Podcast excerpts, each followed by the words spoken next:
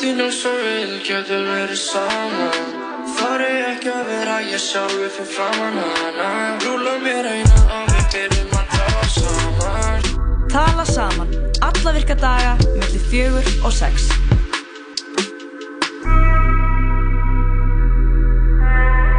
Já, kæri hlustandi, klukkan er fjögur og uh, tala saman er uh, komið til að vera þetta næstu tvo tíman að tala saman. Að tala saman Basically, tala saman. með Byrnu og Lóu Já, ekki flokið. Nei, mitt og það verður alveg frekar uh, skemmtilega þáttur í dag um, þannig að er einn dagur í dag sem er smá leðilegur sem er World Overshoot Day Einmitt. þú getur, það er að skoða það er mikið um þetta á Twitter líka undir hashtaginu, hashtag overshoot Einmitt. það verður smá umhverfistema í dag sem sagt, út af þessum degi, það er 29. júli og þetta er dagurinn þar sem að um, við kláruðum heimil, eða við kláruðum auðlindirnar, skilur við Sem að áttu raun að döga út árið. já, Já. já. ok, pælingin er sko að þarna eftir, eftir þennan dag þá myndum við þurfa í rauninni aðra plánutu til þess að láta okkur fá einhvern veginn uh, auðlindirnar sem við þurfum að nota Mhm. og það eru margir tjásveimunda meðal, meðal annars náttúrulega Greta Thunberg Einmitt. sem segir, hún, Greta Thunberg segir á Twitter í dag um, í dag er World Overshoot Day dagur sem er alltaf fyrr og fyrr hver, á hverju ári og sem þýðir að plánundan hefur nýtt allar auðlindir þessa árs þar sem eftir er árs erum við að ræna að framtíða kynnslóðum og fátökar hlutum jarðarinnar Þannig að þessi dagur hefur aldrei verið að snemma á í ár. Nei, hann hefur aldrei verið wow. snemma og Sævar Helgi, hann að stjórnum Sævar hann segir á Twitter, nei á Facebook dag, 29. júli 2019 dagun sem mannkinni er búið að klára allar auðlindirnar sem þessi elska getur endurnýja þetta ár þar sem eftirlifir ár sköngum við á auðlindirnar og búum til skuld fyrir komandi kynslaður þurfum eina plánuti viðbót en hann er sannlega að finna í næsta nágrænu við okkar í vetarbröðinni aðeins einn plánuta og Ok. í, uh, uh, út af þessum degi þá kemur til okkar á eftir hérna, Íris Dager, hún er í stjórn hjá, stjórn hjá ungum umhverfisinum Mhm. Og ungir umhverfisinnar eru frjálsfélagsamtök sem hvetja til upplýstara umræðum umhverfismál og berjast fyrir sjálfbæri þróun náttúruvend og grænu hagkerfi. Og þetta stendur á þeirra en það er að fylgjast með þeim á Facebook og umhverfisinnar.is og við ætlum að spjalla við hana um hvað ungir umhverfisinnar gera Mhm. og uh, aðeins um þennan dag. Og. Fá svona pæla hans í þessu með henni. Já, pæla hans í þessu með henni. Hún ætlar aðeins að koma og, og bara spjalla við okkur líka. já, uh, okkur langar alltaf að hafa svona okkur hefur lengi langar til að hafa svona umhverfis þema á mánudum í þættinum. Bara komið að því sko. Uh, fjölumjölar náttúrulega þurfa að axla ábyrgð og ræða þessi mál. Það er horrið. fyrsta skref. Um, og svo eftir það kemur Fríða Þorkelsdóttir í þetta sökkaði. Þetta sökkaði er svona vinsælliðir hérna í tala saman. Já, eiginlega vinsælasti liðurinn. Lóa, þú, sko, þú átt kredit að þessum lið. nei, Ekki? nei, jói Já, ég bara, jú, ég bara tók Segjum það bara. Jói er í útlundum Já, og þá tekur þú kreditið bara. Já, ég, anna Æ, veistu, þegar eitthvað fær hugmynd og, og þú bara svona semi-stilur henni þá er það sem gerist Einmitt. Jó, Eða bara, ég og Jó vorum í ykkur brainstormi og hann eitthvað "En hvað ef ykkur kæmi all, að segja eitthvað sem var ömulegt og ég er eitthvað in, impulsi mitt var eitthvað það er ömulegt Mhm. en síðan þá er þetta bara búið að vera ógeðslega fyndi ég er eiginlega búin að taka flest viðtöluna þannig þegar ég stál bara hugmyndina sjóa sem Eða ég hann gaf í skín að vera léleg þegar það hann sagði mér sko hana. um að stela eða einhver gerir eitthvað ekki. Þú gerir það í staðinn. Já, ok Við Allavega- erum öll að vinna saman að saman þannig það er alltaf leið. En allavega, Fríða Þorkels, hún er koma til okkar í þetta sökkaði, hún er reilstunum í HÍ og það er, það alltaf leyndó hvað hún er að fara að tala um, og svo kemur hún bara með bombuna, þetta sökkaði. Eftir það uh, ætlum við að heyra í Maríu Guðjónsson, hún er búsett í Berlín.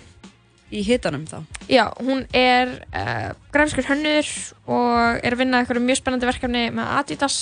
Ok. Hún er að gera úslega mikið af svona 3D grafíkum og hún er í hitabylginu.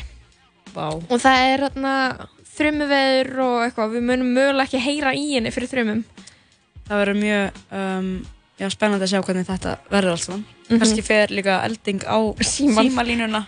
við Eða vonum ekki Ég, en þarna það er uh, við sáum um mitt uh, vídeo af vinum okkar vinnur okkar, er stattir í Berlín núna og það er bara mega regning Mhm. það er hittabilgja regning og þrumuveður í Berlín Einmitt. og og svo líka bara, einmitt, rosalega hiti bara um alla Evrópu. Já, við hefum búin að hitabylginga til Íslands en uh, Er það, er svol- núna, sko. það er svolítið taktlust að vera að fagna því sko, og við Ég veit vitum að þetta er út af hlínun Mhm. sem er slæm Einmitt.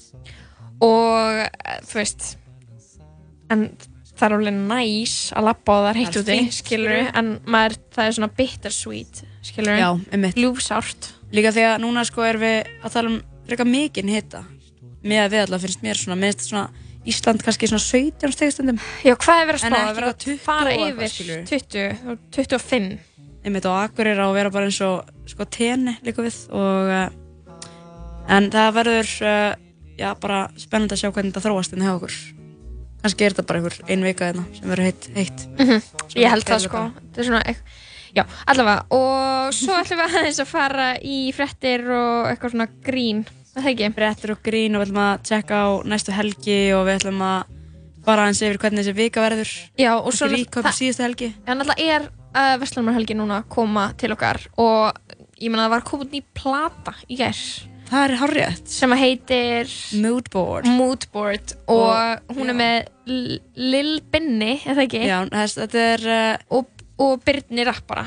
Byrnir Rappari og á þessum lögum þá er uh, já líka um, Ferrari Aron en sérst uh, Up samanstendur af Lil Binna Mhm. og Ferrari Aron en þau eru þarna búin að raunni Skipta sér einhvern veginn upp já og eru þarna sem solo-artistar Ok, og ok. svona eru þarna Já. kannski aðeins að breyta um stíl Já. sem þeir ekki skil alveg að breyta þú veist, gaman. nöfnunum en, en uh, ég veit ekki hvort þau haldir áfram að gera uh, músík í sikur En það er rosalega gaman að fá að vera svona, þú veist, skapandi, þú veist, eins og þú veist, ykkur hljómsveit og hljómsveitin með konsept, fá aðeins líka að vera solo Já, listamæður. einmitt. En já, þess að gefa þessu plötu í gær, moodboard, við ætlum aðeins að hlusta hana, koma með svona...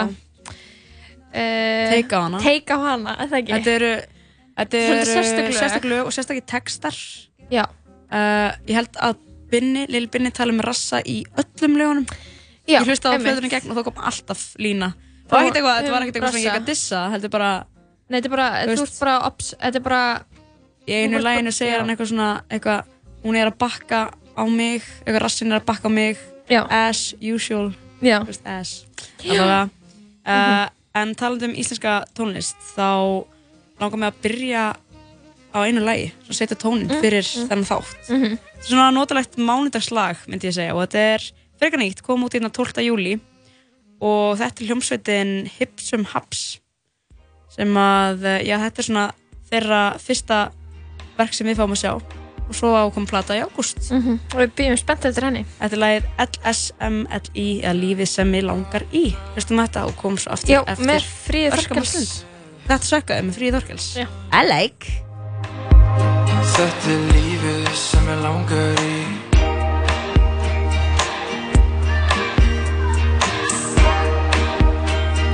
Kynnast konu sjö Sem að elska líka hund og vín. Þetta er lífið sem ég langar í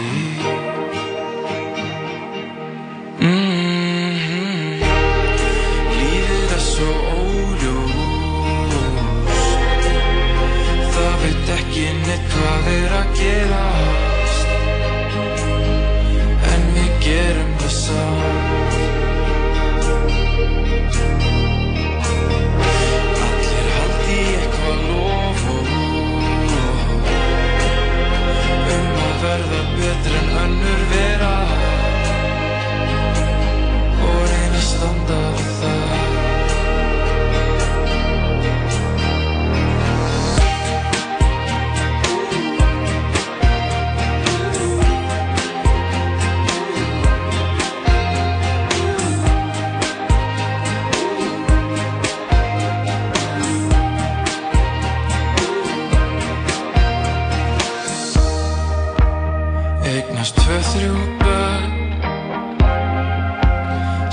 stelpuna í vind og slí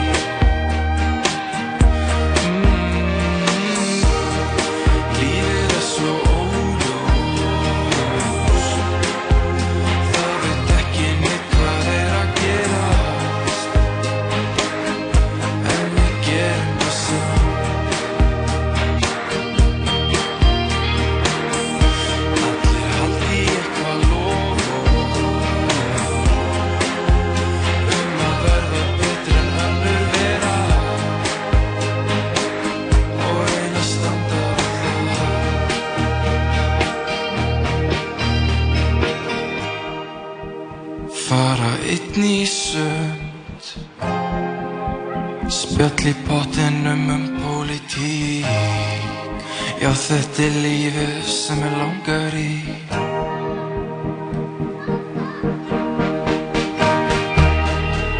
Ég átti dauðan fund. Með slöng í æðin ég brosi því. Þetta er lífið sem ég langar í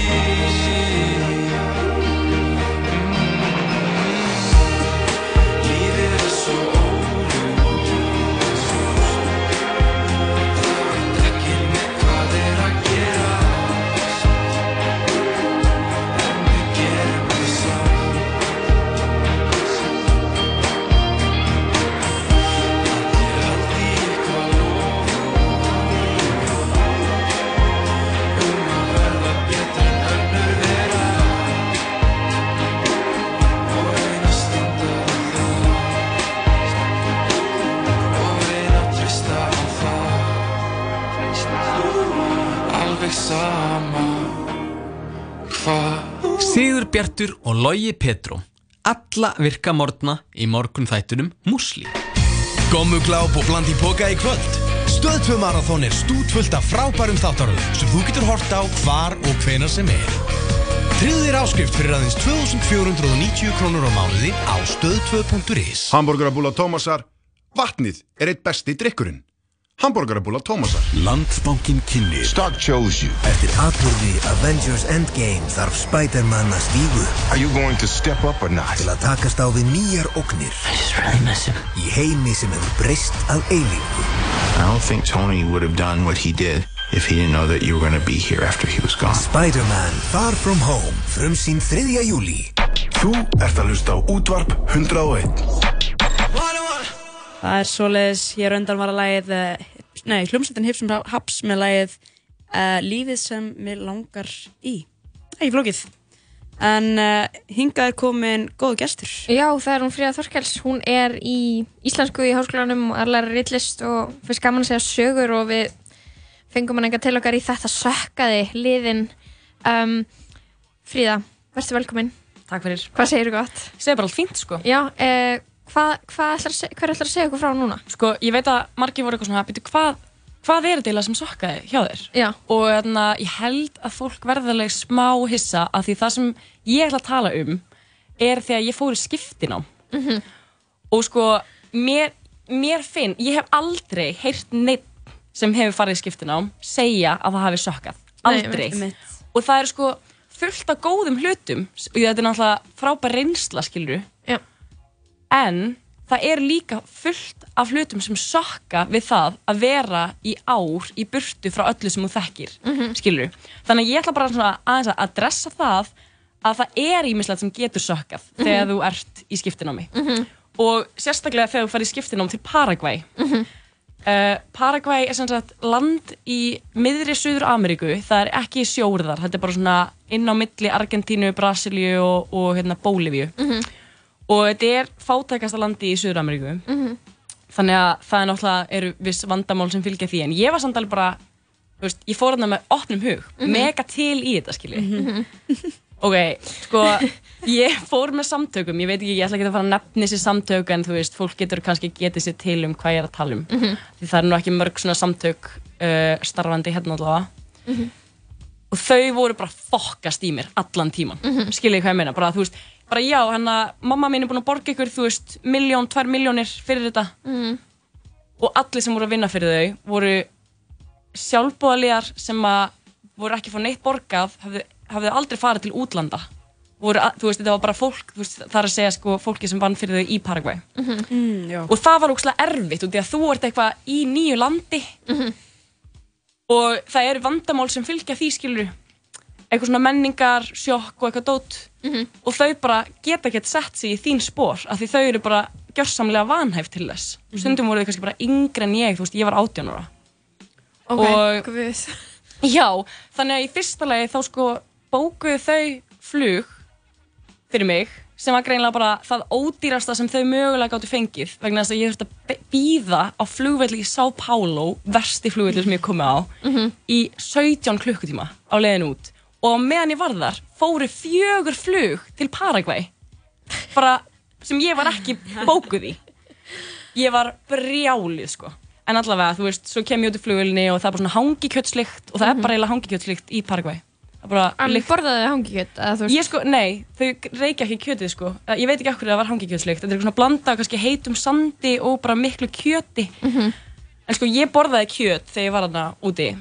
Það er svona langt síðan sko. Og ég var samt bara eitthvað Þú veist, allt kjötið sem ég borðaði var nautakjöt Og þau Mhm. tók alltaf bara svona heilan nautarhrygg Rísastóran Sett hann á grillið bara í fucking heilan dag Þú veist, það var bara well done er understatement, skilji Þannig að þú varst bara að borða þetta með yngri sósi Það var veislumaturinn, bara eitthvað. En þú veist, það er ekkert að versta. Nei. Sko, er eitthvað sérstakt svona varðandi menningunanda sem þið viljið vita eða, þú veist, ég, ætti ég bara að segja ykkur Veit voða lítið, sko Það veit, það veit náttúrulega engin neitt um Paraguay, sko Hvernig land er þetta? Hvernig er stemmingin hana? Sko, máli er að stemningin hann er, þú veist, náttúrulega eins og í Suður Ameríku og svona fjölskyldan er mi- það mikilvægasta. Mhm. Þannig að, þú veist, jafnvel þegar það var bara eitthvað vinadagurinn og allir átt að gefa besta vini sínum gjöf, þá gáfa allir bara fjölskyldumælumum sínum gjöf. Mhm. Þú veist, því það eru bara bestu vininir, skilur. Og hvernig var fjölskyldan þín? Var eitthvað Sko- sérstætt við hana? Já, sko, fjölskyldan mér var bara geð stór. Mhm. Þannig, þú veist, ég var nýjunda manneskjan inn í húsið og þetta var ekkert stórt hús og mér leiði alltaf bara eins og ég væri bara eitthvað mega byrði á þeim, skilur, Já. út í að þau voru ekki, þú veist, það, það var engin, þú veist, ríkur í bænum mínum, Mhm. en þau voru kannski svona, jú, þú veist, þau hafðu efni á að vera með, þú veist, wifi, þannig það var alveg gott, Mhm. en það var, þú veist, þess vegna þorði ég ekki að skipta um fjölskyldu, því að ég var hrætt um að fara til einhver sem var verri, eða veist, Sem var ekki með wifi? Já, sem var til dæmis ekki með wifi eða var, að, þú veist, Mhm. láta mig, veist, ég veit ekki, stela af mér, aðri skiptinumar voru ofta að upplifa það, til Mhm. dæmis, að því, þú veist, fjölskylduna fá ekki borgað fyrir að fá skiptinuma, Mhm. heldur er þetta meira svona eins og statussymbol. Fattu hvað ég meina? Alvöru? Já. Já. Veist, þannig það þykir, það þykir fínt að hafa efnaði að hafa einhvern heima hjá sér í heilt ár. Já, já, já. Þú veist, þannig að ég var einhvern veginn eins og eitthvað svona, eitthvað svona eins og nýtt bíll hlutur, já, já, þetta var svona eins og ég þau voru alltaf svona að monta sig, þú veist, af því að geta verið með eitthvað þau Mhm. höfðu áður tekið skiptinema líka, sko Mhm. en þau voru, voru átta það var eins á strákur, fjögur ára strákur níu ára stelpa, tíu ára stelpa 15 ára stelpa uh, foreldrarnir tveir og svo einn frændi sem var 22 ára og ég var, þú veist, 18 og þessi, þessi frændi minn sko, eitt af því versta sem kom fyrir mig hann úti var sko, hann var náttúrulega alltaf geðveikt skotin í mér bara, Aha. þú þarft ekki annað en að vera bara, þú veist, hvít stelpa, það er bara nóg skilur hvað ég meina? Já, Já. veist og ég er ekkert, þú veist, sorry, bara það er bara satt, bara, Mhm. það voru bara allir gaurarnar hann til í mig og þeir voru allir ljótir Mhm.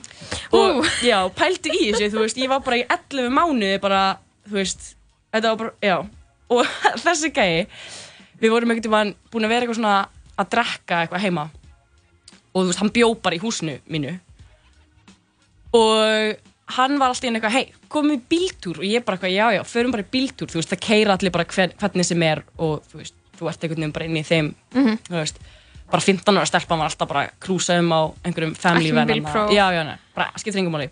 Við fórum hann eitthvað út í bíltúr og þá, svo allt í hennu fer hann inn á svona eins og bílaplan sem er með svona fullt af bílskúrum eða svona, með svona mörgum svona, svona samlíkandi bílskúrshurðum og s- það var eitthvað svona gaur fyrir utan og hann eitthvað borgar gæjanum.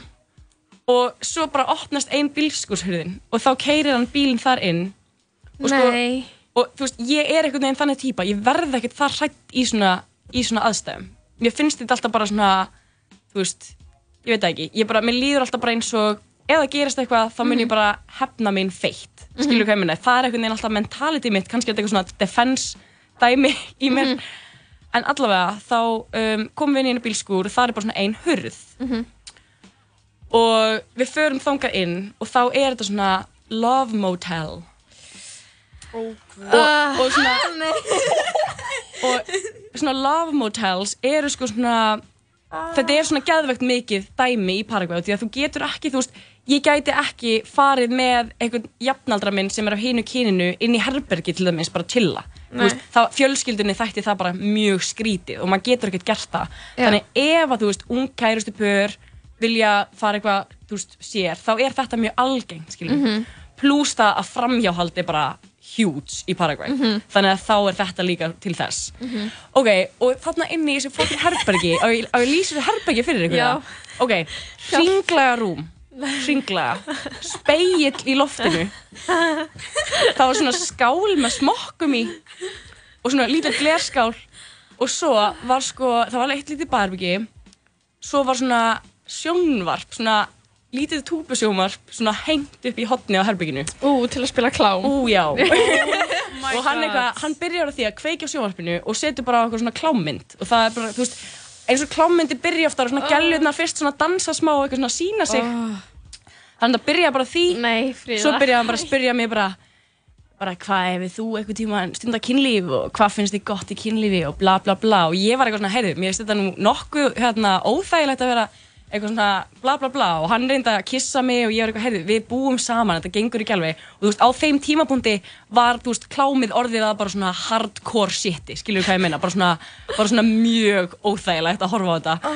En ég var bara heppin að, þú veist, á endanum, það, þú veist, hann var bara eitthvað ok og við fórum bara heim. Já, já, en þú veist, ímyndi Hann vildi bara reyna. hann vildi bara tjekka á þessu hann, Já. vildi bara, hann vildi bara fara með mig þarna inn og gá hvort það myndi kannski kveiki eitthvað í mér skilur að vera komin inn á svona lóð. Já.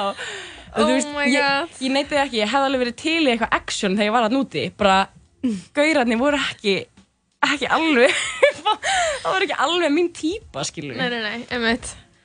Þannig það var dálítið svona þetta var dálítið skrítið.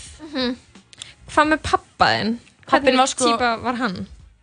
Hann var svakalegur sko Mhm. út af því að pappar í Paraguay eru svona, þeir ráða á Mm, heimilinu mhm. og það er ógeðslega mikið þing veist, hann var alveg bara svona oft að vekja mig kannski um helgar bara til þess að ég þurfti að fara að þrýfa bara Mhm. klukkan, þú veist, átta um morgun Mhm. og ég man einu sinni, það vakt hann mig gaf mér morgunmatur hjá þeim er alltaf bara svona heit mjólk með smá svona Nespresso kaffi úti, eða svona Neskaffi úti svona bara, já, það var alltaf bara okay. og það var anís í öllu brauði í Paraguay Mhm. þannig það var bara putting it out there Ok. allavega Ég var að hlusta eitt lag og tala sér aðeins meira við fríðu, eftir smá Ég er til það sko. Það Anna- er meira sem sagt. Það er smá meira Þannig Oh að God. heyrum eitt lag og svo klárum við aðeins að spjalla við fríðu áður en að Íris Dager úr ungum umhverfisinum kemur Heldur betur Girl, why are you playing with me? Girl, who are you playing with? You been on that new stuff. I've been on the same shit. Girl, why are you playing with me? I don't got the time for that. Might need me a refund. I'ma need that time back. You say you'll try. I've heard that line a thousand times before. I'm not sad, I'm not crying. If you mad, that's fine. But I think that I should go. Yeah, why you tryna play me? You being a different you and I'm being the same me. You could have had Gucci, but now it's so navy. And your homegirl wanna date me, she shady, baby. Girl, why are you playing with me? Girl, who are you playing with? You been on that new stuff. I've been on the same shit. Girl, why are you playing with me? I don't got no time for that. Might need me a refund. I'ma need that time back. Damn, why are you playing with me? You don't even like girls, huh? So I need you to tell me, baby, what you want, just like the Spice Girls. It's confusing cause you flirty, but you ain't gonna be the one to say you ever did me dirty. I got pride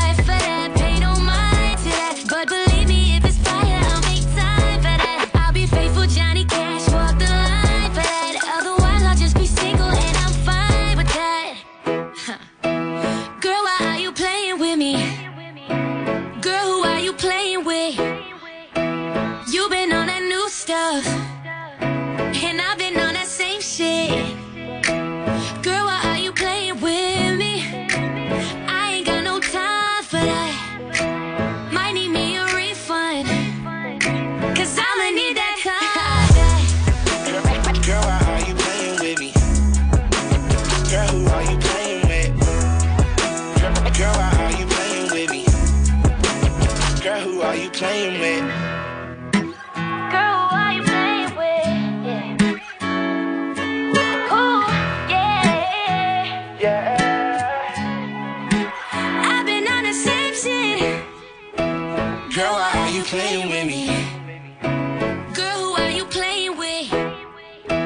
You been on that new stuff. And I've been on the same shit.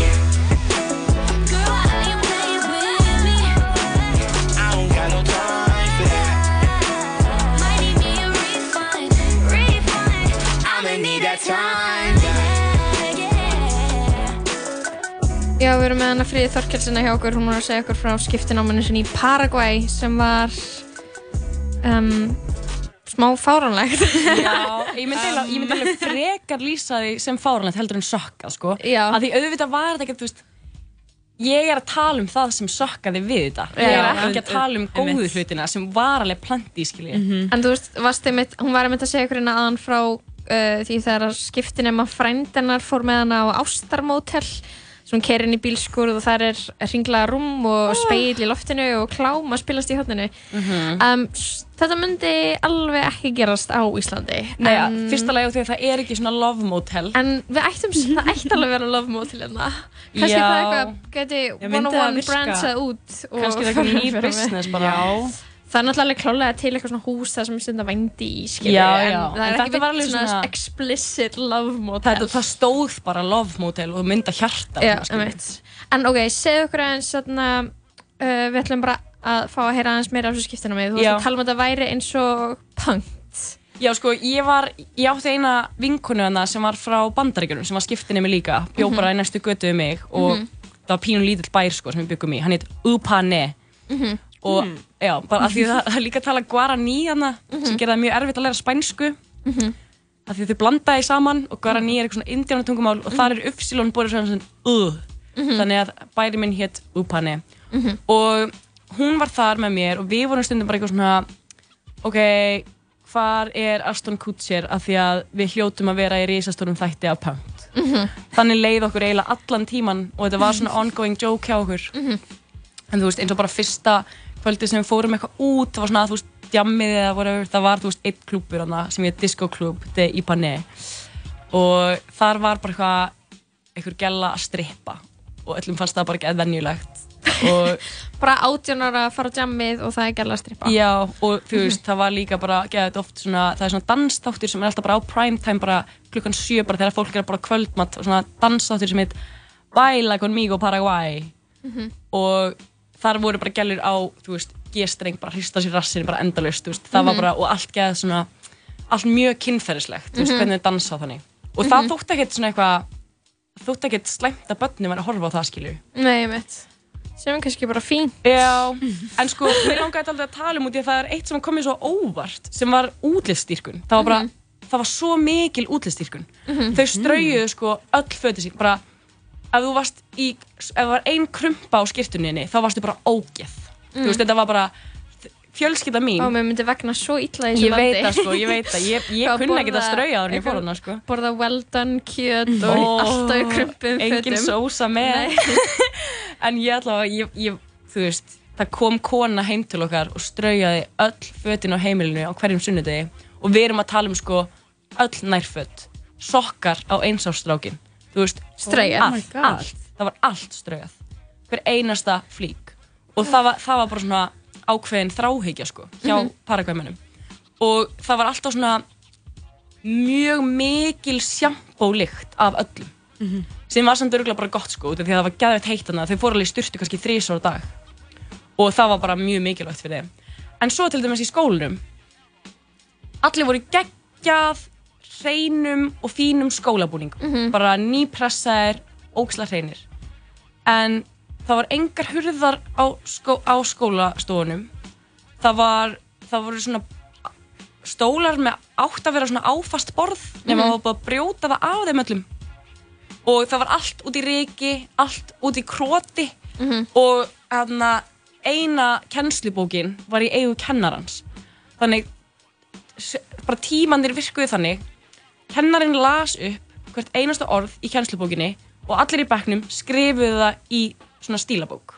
Oh, my god. og það var, við vorum sko í listasögu, heimspeki, pólitík, alls konar svona tímum. Það myndaðist aldrei nein umræða. Námið þarna var bara skrifa upp nákvæmlega eftir kennaranum og það sem skipti mestu máli bara glósuna væri þú veist fullkomnar. Bara allir, hver einasti nefandi þarna fyrir utan mig, skrifaði bara sjúglega fallega og voru, þau voru alltaf svona lína allt í, þau voru alltaf svona að strika allt í kringum glósurnar já, með svona bleikum lit kannski og gera allt ótrúlega What? fínt. Já, og þú veist, það, það var ekkert innihald í textanum. Nei, einmitt. og meiri segja sko þegar þau voru að gera lokaverkefni sem var svona svona, æ þið veitir svona svona powerpoint Já, dæmi einmitt. eitthvað. Og það átti alltaf að vera um eitthvað svona félagsleg hérna, vandamál. Eitt var um eitthvað að nota hjálm. Mhm. og þau þá snerist þetta ekkert um beint þú veist, kynninguna sjálfa heldur snerist þetta bara um sagt, skreitingarnar í Mhm. stofunni þau var alltaf búin að gera svona, svona svaka borða út um allt í stofunni gáfu kennurunum sem voru að dæma alltaf einhverja gjafir og það Mhm. snerist einhvern veginn alltaf meira um eitthvað svona umgjörðina frekar Mhm. enn þú veist innihaldi í verkefnu og þetta fór sko ógæðslega mikið í töðunar á mér Mhm. og bara þú veist, það voru krakkar sem voru með hérna, þetta um að nota hjálm úkslega löng kynning þar sem við vorum bara með veist, bara wall of text á hverju glæru sem þau lásu bara upp bara svona bla bla bla bla bla bla, bla bara svona, Mhm. bara eins og þú veist þetta skipti engumáli Mhm. svo síndu þau svona compilation af uh, móturhjóla slísum í Paraguay sem voru sko ógeðslega brútal. Bara svona fólk að deyja skilur og þau fundu þetta bara YouTube. Og allir í bekknum voru að hlæja að þessu og fannst þetta bara ekki að fyndið og ég var bara, það, ég hef aldrei fengið mikið, me, mikið menningasjokku þá sko. Kennarnir voru svona að flissa með. Þau voru alls svona að horfa á þetta eins og þetta væri svona funny blooper vídeo skilur Mhm. þetta var, það var sko, ég labbaði bara út stofunni í sjokki. Ég hef aldrei Oh verið God. sjokkt og vinkona mín sem fór til Peru, hún fekk að fara í háskóla sko, því að það er bara ekki að mikið munur á úlingamenningu, þú veist, á Íslandi og í Suður Ameríku Mhm. að þar til dæmis mátti ekkert fara út á skólalóðinni þú veist, þú sért átján, skilur þannig að þú veist, það var einhvern veginn þau voru einhvern veginn ekki, bara, ég tengdist þeim bara ekki neitt, Mhm. Nei, fólkinu sem var með mér í skóla Það er svo styrla að, að það eru krakkar eitthvað uh, út um allan heim frá eitthvað 16 til 19 Mhm. að fara bara í ári burtu frá fjölskyldinu sinni í bara eitthvað. Já, það sko- er bara svona, vei, maður veit ekkert hvað Einmitt. það er svona, og þetta er bara samþykkt Já, og þú veist, ég veit ekki, þess vegna langaði mér bara að tala um sko, neikvæðu hliðarnar á þessu því að sko, ég, ég sé alls ekki eftir að hafa farið. Mér finnst þetta geggjur reynsla, þetta var ógíslega erfitt en þetta var samt, þú veist, ég grætti feitt á þessu. Mhm. bara, það, þetta var, þú veist, geggja dæmi Mhm. en þetta sökkaði samt, skiljið hvað ég menna Mhm. Já, Mhm. einmitt. Þú veist, bara svona eins og í ræktina eitthvað þannig að þú veist, þetta var einhvern veginn þetta var einhvern veginn ekki alveg þú veist, þess vegna langaði mig bara að, að því áður en ég fór þá hafði ég ekki heyrt einn einasta skiptinema tala um það sem er ekki fullkomi á dansa rósum við að Nei. vera í öðrum menningarheimi í heilt ár Einmitt, þetta er alltaf svona, þetta er lífsreynsla, þetta er þetta Já, það viðkennir kannski enginn líka að það hafi verið smá erfitt. Nákvæmlega, ég held að fólk sé hrætt við að viðkynna sko. og ég, mér finnst það Þú vera ert ekki að mikið hashtag opna umræðina Ég er að hashtag Og- opna umræðina og líka það að þeir sem ég talaði við sem höfðu farið til Paraguay Mhm. voru strákar. Og ég held að það skipti geðveikt miklu Það er enginn að fara að taka það love motel Það er enginn að fara að taka á love motel. Það er ekki verið að catcalla þig allan daginn sko allan daginn. Mhm. bara ég gat ekki lappað eitt skrif út úr húsinu mínu án þess að vera bara Ey Rubia! Skilur þannig að var, það var hræðilegt sko það var eiginlega versta við þetta þú veist, þetta catcalling dæmi Mhm. Já. mér leið svona smá, ég var eiginlega brengluð eftir þetta þegar ég kom heim af því Þegar það var enginn að er kalla mig á þögn. laugaveginum og ég var bara, ég líti að vera orðin ljót það var bara Já, veist, bring, þetta, þetta brenglar mann í sko. Catcalling til Íslands, maður Er það ekki? ef einhver catcallar ykkur Ég veit ekki alveg, nei En Fríða, takk hérlega fyrir komuna og takk fyrir að deila sér Paraguay-sögu já, ég vona ég, ég vona ég hafi ekki þú veist, ég vil ekki Þú ert 100% búin að eðilega skiptinu ég vil ekki hljóma eins og ég sé mjög vannþaklátt skilur út í því ég fjekk að fara í þetta og þetta er reynsla sem margir vilja gera Mhm. og ég, þú veist, það eina sem ég er að reyna að gera er bara að segja sumt sökkar við þetta Mhm. og ekki vera, þú veist, ekki vera hrætt við að fara í skiptinám bara vitið að það getur stökkað Mhm. alveg eins og að fæða bann algjörlega. Og Þú falleg, falleg loka orð Já, það er ekki.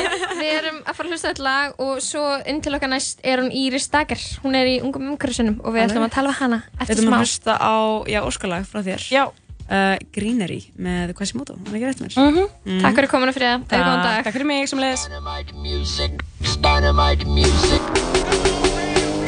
Like how about them trees? You got the trees on? you? Got of that killer? Yeah, let me get that purple too. That purple. Man, really don't stop tripping. I ain't got no change. It's my weed right here. Smoking on the trees at a hundred degrees. Never touch the breeze, just a sticky green leaf. Put it in the Dutch, it gets stuck on your touch. Whoa. Pack it in your bong, last long, have you on touch. Light it up. Roll it.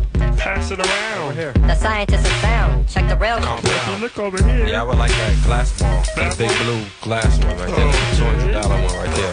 I don't see it. Do you have the money for it? Where right there to the left. Oh, okay, cash only. Try some of this. It's absolutely dynamite.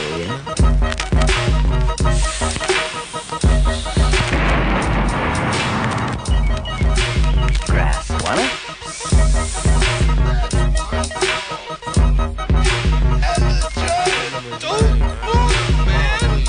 Oh, my man with the roster got the best green pasta. Tree trunk bud. What that good shit'll cost you? Anyway, give me an ounce of that shit. I'll have that shit with Mad Lib. We could bounce to that shit. Make a batch of cookies, it'll make you feel like a rookie. Make you eat a lot. Maybe go get some nookie. High power shit so we could do our astral traveling. Around the world on a smoke tour, dabbling. Amongst the best weed, Amsterdam and humble seeds. Weeds, weeds, weeds is what we all needs, needs. Light it up. Roll it. Pass it around. The scientists is found. Check the real compound. Marijuana. The first sensations may be felt instantly after having smoked some grass, or an hour after having eaten it. Usually, you creep slowly into this known condition, inch by inch, sliding upward, but if you've eaten it, the effects may come upon you suddenly and strike you full force in the middle of um, a word. Everyone finds that they're more creative stoned than straight. All of us are latent Michelangelos, or Carusos, or Da Vinci's, and think we can paint, or sing, or write, if only we tried hard enough.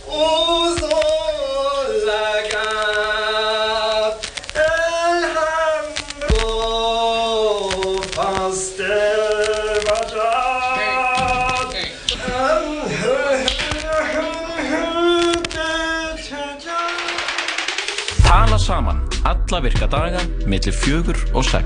í bóði Dominos og Spiderman Far From Home, komin í bíó Fettuccini með trufflu og sveppa ragú. La Primavera í 101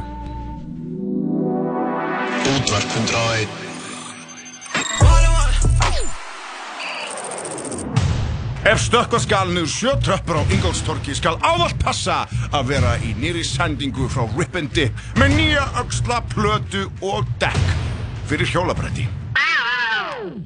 Þú þarft ekki að taka fram þetta yfir hjólabrætti, sko. Já. Nei, nei. Smass! Ringlunni. Útsalan er hafinn og hún er í fullum gangi. Sjáumst þar. Þú getur hlusta á alla þættina af Tala Saman á Spotify. Já, þér að hlusta að tala saman með Bibi og Lói, við erum komið með uh, góðan gest til okkar. Um, Íris Dager, hún er alþjóðafulltrúi í ungum umhverfisinum. Uh, þú ert, hún er mentuð í alþjóðaglæpum réttlætt og öryggi frá Edinborgar háskóla og vinnur í utanrækisáþunniðinu. Mjög fullaraðins. Já, svo fullaraðins.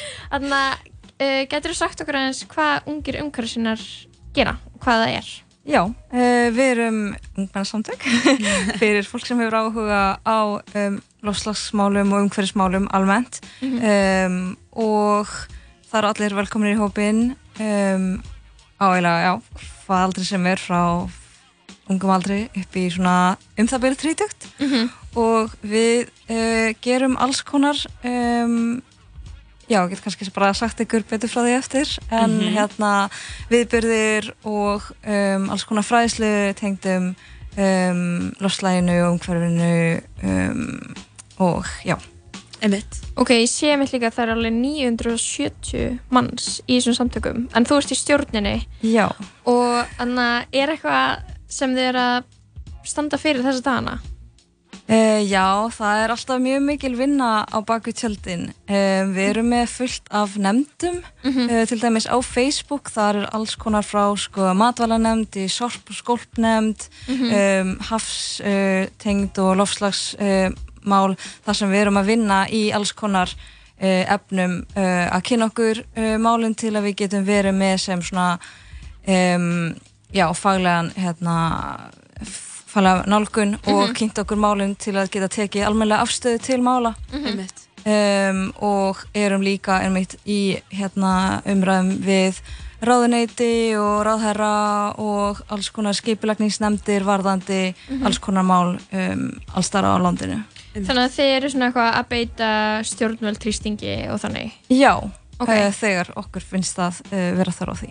Ok, en einmitt núna er í dag uh, World Overshoot Day Eða Þess- yfirdráttardagur. Já, yfirdráttardagur Þannig að við vorum að lesa okkur til að mynda Greta Thunberg er búin að tala um þetta og Sævar Helgi, Stjörnur Sævar og eitthvað Þannig að hvað veist þú um hennan dag?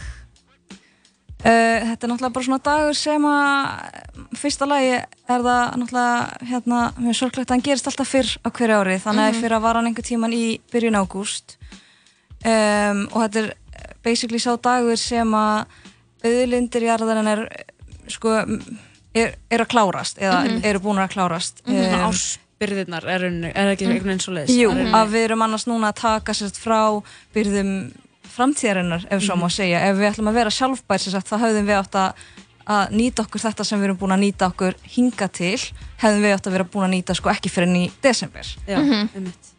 Um, og það er náttúrulega áhugavert að sjá og á ekkert að koma óvart en að, að Evrópulönd og, og uh, Norðurlandin þá sérstaklega við þetta eru sko ef allir myndu lifa eins og við þá myndum við klára auðlindirnar ennþá fyrr eða sko einhver tíman í mars-april Mhm.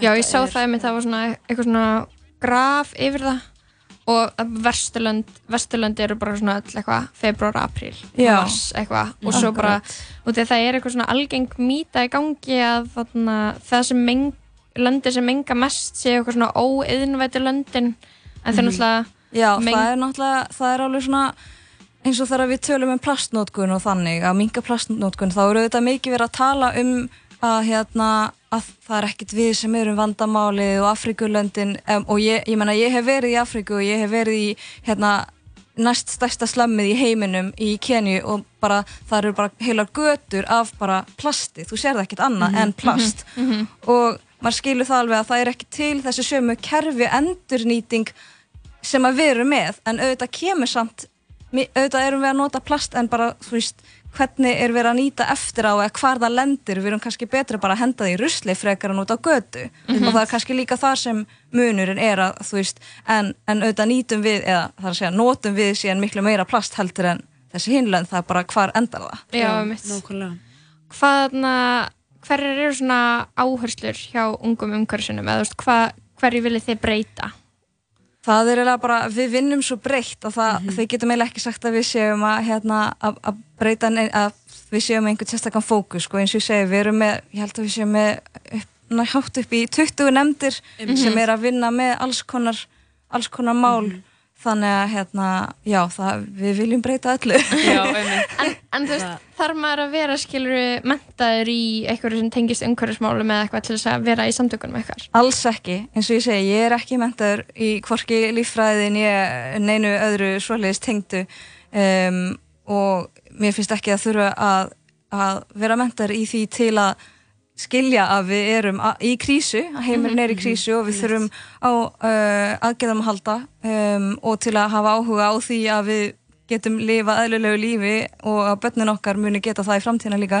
Nákvæmlega. um, þannig að það þarf alls ekki og eins og ég segi þá er fullt af viðburðum um, núna í haust sem við erum að skipulegja og það er meðal annars líka bara viðburði til að fólk sem hefur áhuga á svona málum geti kynst og bara svona Mhm. hópefli þú veist þetta er ekkit allt eitthvað bara við ætlum að sapna saman og mótmæla Mhm. eða þú veist skipulegja fund með þannan ráð, þú veist það er Já. líka þetta er líka bara fyrir fólk til að koma saman ungt fólk sem að hefur áhuga á umhverfismálum Ég nefnilega, þú veist, upplýði stundum eitthvað svona út af því að það eru umhverfsmálega svona, það er svo mikil vísindi og það er bara svona tölur og bara svona hluti sem maður hefur ekki endilega læsi á þó að maður hafi reynt, skilur þannig að ég held að ég sé er auðvitað ekkert ein sem finnst bara, ok, ég þarf, ég þarf að setja mig inn í svo rosalega mikið hlutum til þess að geta sagt hluti sem eru réttir og þú veist, það eru margar greinar í gangi. Þú veist, eins og núna bara þú veist, nýlega greinu senstu viku er bara að við höfum átjón mánuði til að bregðast við og svo þú veist, maður getur sagt alls konar svona hluti, eitthvað, já ég hef ágjur af þessu og þessu og þessu og þú veist, það eru skóareldar og svo er hafið sína bráðuna og svo tundra í Sýberi líka bráðuna og eitthvað svona, en svo þegar maður byrjar að lesa greinarnar til þess að vera einhvern veginn, veist, taka upp þátt í samtalenu, þá bara fattar maður bara, ok, ég er ekki með vísindalingóið eitthvað svona, ég veit ekki hvað er gáfulegast að gera við plasti mitt Já. þú veist, á ég að hætta að kaupa plast eða á ég að treysta því að það sé alveg endurinn í Svíþjóð, veistu hvað ég við þannig að, Já, já, algjörlega Ég þannig að einmitt- standi fyrir fræðslu eða eitthvað slíku fyrir fólk sem vill taka þátt Já, við stöndum fyrir uh, fræðslu eða námskeið núna líka um hagsmunagæslu Mhm. um, við erum með tvö námskeið í gangi eitt um kvalurvirkin og eitt um hafið Mhm. og þar erum við basically að kenna fólki bæði það að við stöndum sterkari saman sem hópur og se- og sem uh, samtök náttúrulega heldur en bara um, Einstaklingur. einstaklingur Mhm. en líka þá er mitt hvernig fólk getur beitt sér sem annarkvort einstakling eða sem hóp í ákveðnum málum Mhm. um, og hérna já, það er bara velkomið að hafa samband ef maður hefur áhuga á að koma með uh, fræðist eitthvað meira um þetta en annars er náttúrulega líka það er frítt að ganga í félagið Mhm. þannig að ég hveti alla til að gera það bara ef maður hefur áhuga og eins og ég segi það þarf þá ekkert að vera eitthvað neitt mikið nörda eða tölfræðilegt eða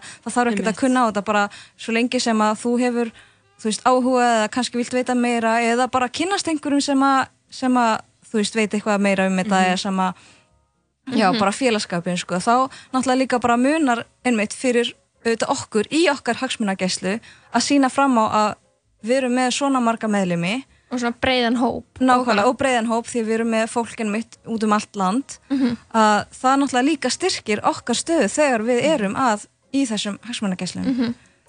geggjað, þannig að takk fyrir að koma Íris. Já, takk fyrir að bjóða mér. að hafðu það bara gott í dag. Já, hérna kannski hvað heitir þessi hópur? Þá á Facebook? Er ekki, er ekki svona Facebook-grúpa sem maður gætt Uh, jú, við erum sagt, ef maður gerist meðlumur þá er um, Facebook-hópur sem heitir bara ungir umhverju sinnar Æði. og annars bara, já, mæli með að fara inn á heimasíðuna og sem er held ég umhverfisinnar.is eða Já, ekki? nákvæmlega Ok, Glæsilegt. Bara takk hérlega fyrir komuna. Já. Við ætlum að henda okkur lag, þetta er Hör og uh, já, lagið heitir Carried Away.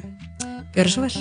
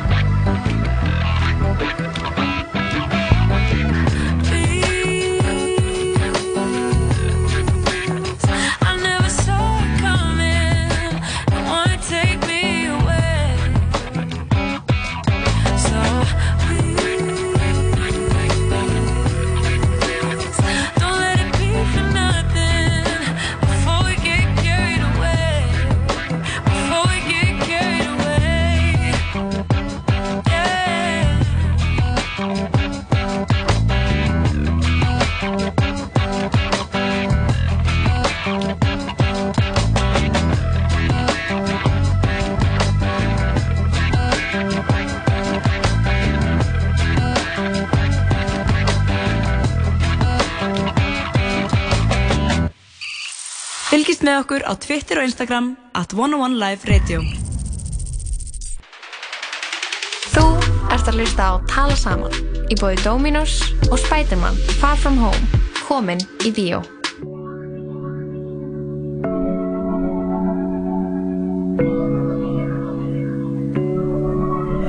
I'm losing patience, I'm on it, going all in, I want it,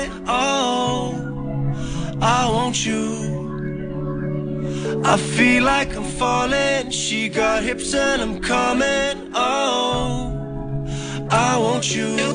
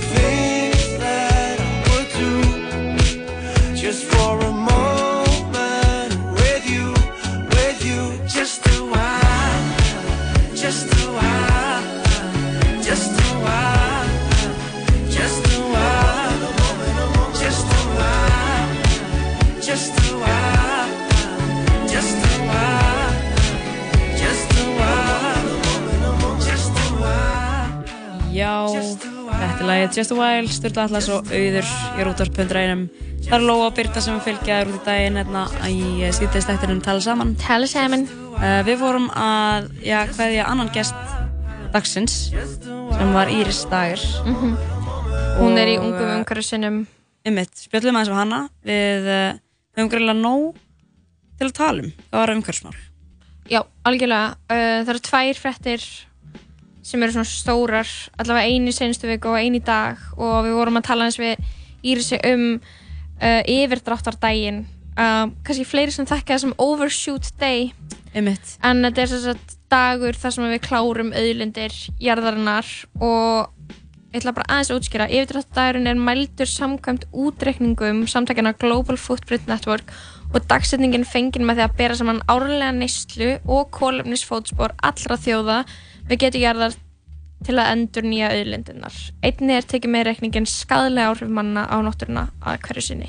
Og það er hægt að sko fara inn á síðuna hjá þessum uh, samtökum bara footprintcalculator.org er þetta að reikna út sitt eigið kólefnisfótspor. Já.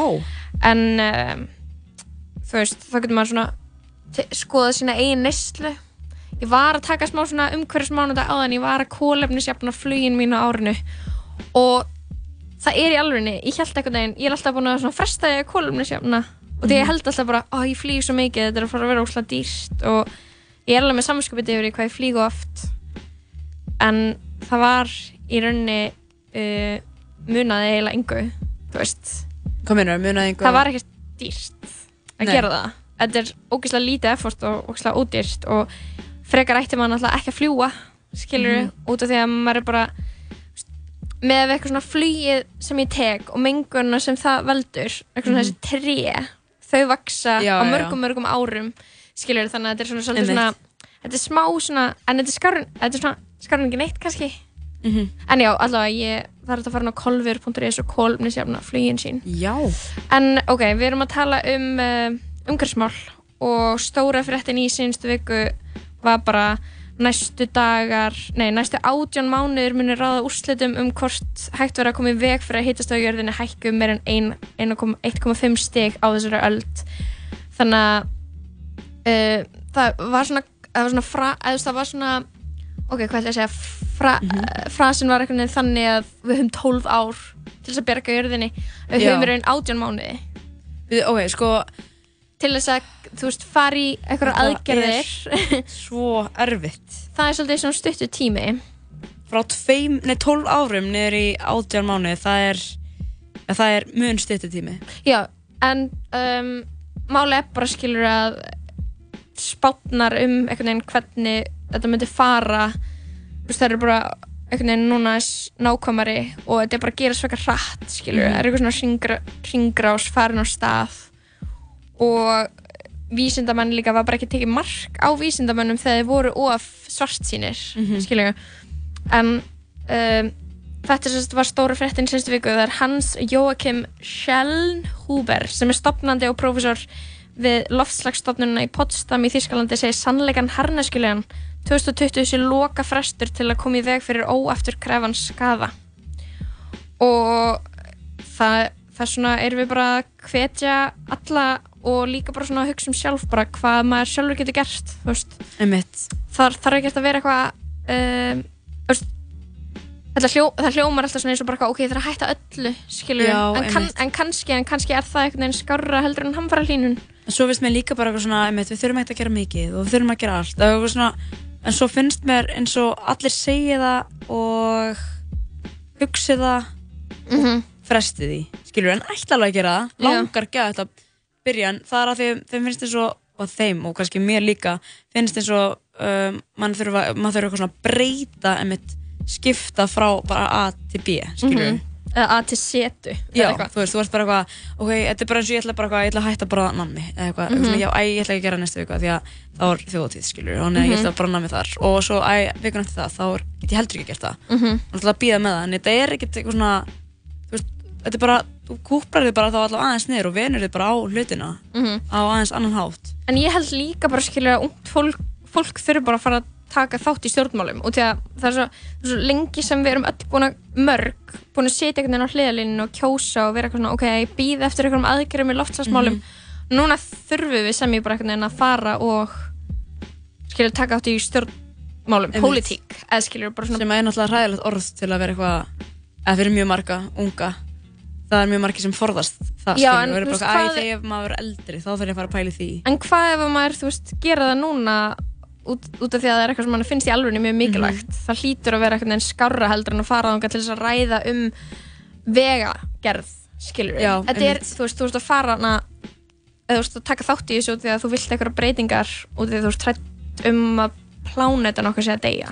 Einmitt. Það er Og smá ég held svona líka að aðkallandi, Við skilur þurftum líka helst sko uh, ástæðan fyrir því að mér finnst einhvern veginn svona pólitík kannski sem er náttúrulega mjög stórt hugtak skilur og stórt orð en bara svona Íslandi að, á, veist, ástæðan fyrir að mér finnst þetta kannski eitthvað svona sérstaklega eitthvað svona já það er lustin eitthvað að því að Mhm. maður kannski sér ekkert fordæmi þú veist, maður sér ekkert dæmi með það eitthvað svona já þegar að manstu að þetta fór þangað og þetta var gert Mhm. skilur og þá sérstaklega kannski að þetta eru málumni sem að varða mann ekki og varða ekki framtíðina svona ótrúlega á svona á mikilvægan hátt en þetta er kannski eitthvað sem að um, gæti líka bara verið ógeðslega skemmtilegt skilur ef þetta Mhm. fer rétt, í rétt átt skilur Mhm, mhm. en pældi hvað það væri lit að það væri bara geggjur stemning fyrir því að allir væri bara eitthvað yeah breytum bara hættum- og svo bara virkar það Já, og eða skilur að það væri bara, þætti bara eðlilegt að láta hlutin að skipta, eða, veist, var, sig varða, ekki vera drullu sama.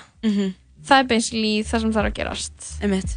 Að það er ekki lengur cool að vera alveg sama um þessa hluti. Einmitt. Og þegar það er sem ég bara ekki tími til þess. Nei. og þú ert eiginlega bara smá astni ef þú, ef þið er rétt drullu sama. En það ekki, má maður ekki segja það? Spá, spáasti en uh, hvað, við hlusta á lag af nýju plötunni hjá Lil Binna og, Lil Binny og, og, og Byr, Birnir. rapparann Byrni Sko, já, við náttúrulega rættum aðeins í upphæðu þáttar hérna, þessa plötu. Platan heitir Moodboard sem að, já, er bara svona ákveðið mood. Náttúrulega kannast allir við þetta, það nota þetta mjög margir núna. En um, þessi plata kom bara núna á miðnætti og kom eiginlega bara alveg fyrir þurru. Já, Það vissi enginn að það hún væri að koma. enginn að væri að fara að koma sko. En ég segi að, já, ég ætla að byrja á uh, læginu, Binja. Binge er náttúrulega, uh, já, þetta er bara ennsk orðið bara að horfa á þátt eftir þátt eftir þátt eða mynd eftir mynd eftir mynd í einhver svona serju. Hómhorf. Uh, Gommugláp. Gommugláp, hvað heitir þetta? Þetta heitir, ó, ég skal koma með það eftir, það er til íslenskt orð yfir þetta. En uh, Það er hómhorf og gommugláp.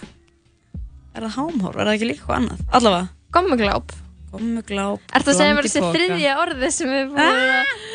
En uh, þetta lag heitir Binja og þetta er Birnir Lil Binni og Ferrari Aron. Og að þessu lagi loknu ætlum við að heyra henni Maríu Guðjónsson. Hún er í Berlín. Takk að spjall við hana. Binda, binda, viltu horfa reyna að finna, finna Ekki fyrir blunda, blunda Binda, binda,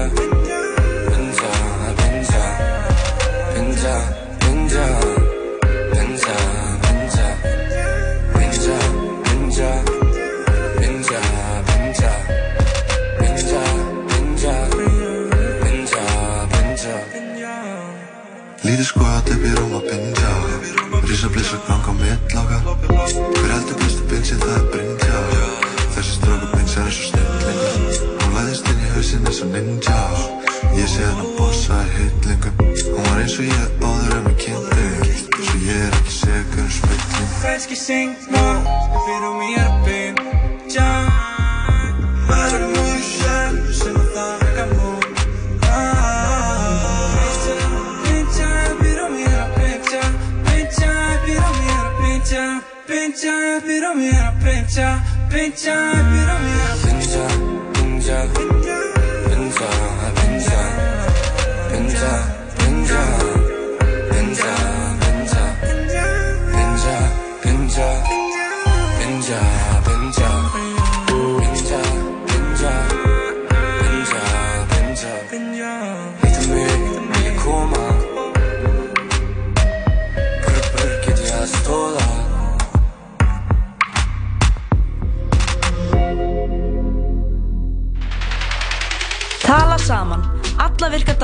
millir fjögur og sex. Í bóði Dominos og Spiderman Far From Home. Komin í bíó. Gommugláp og bland í póka í kvöld Stöðtvö marathón er stútfullt af frábærum þáttaröðum sem þú getur hort á hvar og hvenar sem er þér áskrift fyrir aðeins 2490 krónur á mánuði á stöð2.is Hamburgerabúla Tómasar Nú verða stektir hambúrgarar Hamburgerabúla Tómasar Þú ert að hlusta á Útvarp 101 Útvarp 101 FM 94.1 Í bytni úr miðbæ Reykjavíkur Já, þeir eru að hlusta á Tala Saman og við erum komið með uh, símtal frá Berlín. Við erum að tala um hana Maríu Guðjónsson sem að býr í Berlín og er grafiskur hönnur og er að vinna svona mikið af svona 3D grafík cool og eitthvað síningu fyrir Adidas. Hvað er sæl, María? Hvað segir þú gott? Ég er bara, segi bara fínt. Já. Hvernig er, hvernig er staðan áður hérna í Berlín? Hvernig er veðrið? Þetta er góð spurning. Það er, já, sko, það er alltaf læg núna. en Fyrir svona tímindum þá var, sko, harkalegu stormur. Já, veist, og það er alltaf, sko, það er bara 34 gráður á daginn og síðan svona þrjú, fjögur þá byrja bara stormur. Það What? bara ennþá- og eldingum. En þá gífurlegur hiti samt. En þá alveg mjög heitt úti samt. Já, og það er sko óþólandi af því það er ekki hægt að klæða sig í neitt. Þú veist, þú getur ekki verið bara í stiffusum. Þú eru bara rennblöytur og þú veist, það er ekki hægt að vera í neitt yfirhöfn. Þú veist, þú getur ekki farið í reggjaka og svitnar bara. Pítu, jú, ég veit alveg hverju átt að vera í. Þú átt að vera allsber í svona regnponsjói. Plastboka. Nei, En það er ekki nógu cool í Berlín, það má Nei, ekki. það er rétt. oh, fuck. Hvernig, þarna, hvað segirðu? Hvað ert að gera fyrir Adidas? Getur þú sagt okkur smá frá því? Herri, já, ég hérna, Adidas er sem sagt að setja upp einhverja listasýningu í Berlín með bara listamönnum frá Berlín og er bara, þetta er fyrir eitthvað nýtt campaign fyrir eitthvað nýja skó og við hefum sérst að vera eitthvað, já, setja upp list fyrir skó. Mm, list fyrir skó, hvernig list Já. er það? Eh, Þetta er sérst bara svona, að, svo verður þetta einhver listasýning og þú veist, þá koma allir og kynnast skónum í leiðinni og, en þetta er mjög nett sko, þú veist, það er fullt af, fullt af mjög cool fólki að vinna í þessu, þannig að þetta er svona, það er kannski, já, þú veist, ég er bara búin að vera að nota vikuna í eitthvað svona stúdíó sem þau byggðu bara fyrir þetta. Já. og hérna, já, og það er bara mjög skemmtilegt og ég er bara, þú veist, búin að vera að gera eitthvað 3D grafík. Og þetta er svona einmitt mjög tengt sko umhverfsmálum að því að yfirskriftin á hérna sýningunni er bara future. Ok. Já. og ég er búin að vera svona að velta mér upp úr í, þú veist, bara síðustu viku, bara hvað hvað er framtíðin fyrir mér? Og ég er svona ég, þú veist, komst alltaf að, að þeirri niðurstöðu, þú veist, það er bara þú veist, ég er mjög svart sín á framtíðina Aha. þannig ég var alltaf bara eitthvað svona ég get ekki, þú veist, ég get ekki sagt eitthvað, skilju, framtíðin er ég veit ekki þú veist, framtíðin er female eða eitthvað, þú veist, af því að mér finnst það bara ég er bara ógslag svart sín á þetta Einmitt, þetta svona vekur ekki upp svona von í brjósti að hugsa um framtíðina. Nei, þú veist, og ég er búin að vera að vinna alla vikuna eitthvað að því bara, þú veist, ok, hvað gæti verið mögulega jákvætt, Mm. en ég kemst alltaf að því bara, veist, ég veit ekki, það er engin framtíð, skilur. Mm Er það svolítið svona viðhorfið í svona, veist, það sem þú ert í, þú veist, í þín, í þín vinnahóp? Er það smá svona, er almennt stemmingin bara, ok, we're doomed, eða þú veist? Sko, mér finnst það, sérstaklega af því það er búin svo ógeðslega heitt og þá færir maður þetta svona beint í æð. Einmitt. Og þá verður maður bara geðið pyrraður og þú veist, núna er kannski 34 stæði híti á hverjum degi og þá, þú veist, maður vill, nei, þú veist, þá finnur maður fyrir því á hverjum degi og þú veist, það er bara allt daglegt lífið í 34 stæði híti og maður er bara pyrraður Já. alla daginn og getur náttúrulega bara kent, þú veist, umhverfsmálunum um. Mhm. Og þú veist, alltaf þegar ég fer eitthvað á barinn með vinnum mínum eitthvað, þá endur við alltaf bara öll eitthvað full röflat um, röflat um hvað heimurinn er, þú veist, á hryllilega leið. Og hvað, na, hvað er, er Adidas að fara að gera eitthvað í þessu? Er þau að axla eitthvað ábyrg sem svona textilfyrirtæki eða þú veist, er þessi future? Nei, Nei, ok. það er, það er ekki snert á umhverfismálum, sko. Ok. Þú veist, við, við reyndum nú að halda þessu allir svolítið jákvæði, sko. Já, sem er skiljanlegt, sko. Það er Já, þú það er við máttum alveg, já, sorry. hvað segir við? Þú- Já, við, við, við máttum, ég hefði alveg getað tekið eitthvað, þú veist, neikvægt teik um umhverfið, sko, ég bara, Æ, mér finnst óþarfið, ég, veist, ég var búin að velta upp úr þessu alla vikuna í einhver þunglindi og mér finnst óþarfið að projekta því að að alla sem að vilja koma þarna og kíkja okkur skó.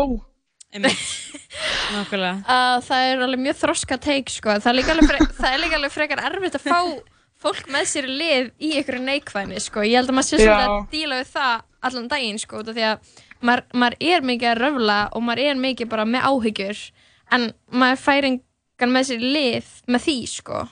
Einmitt. en þannig að ég veit ekki alveg hvað við ætlum að gera getur ekki gert eitthvað svona green 3D grafík sem vekur fólk til umfygsuna Þú veist, jú, ég hefði alveg getið gert það, sko, er, verkefni er enda búið, ég er búin að vinna þetta verkefni, þannig að, En núna máttu vera neikvæð. já, núna get ég bara aftur bara onni neikvæða hóluna mína og, Hvar getur maður séð þetta, Marja? uh, sko, þetta verður sýning 8. ágúst fyrir þá sem eru í Berlín Okay. og uh, annars, þú veist, ég veit ekki bara á Instagram storyinu mínu eða eitthvað, ég held.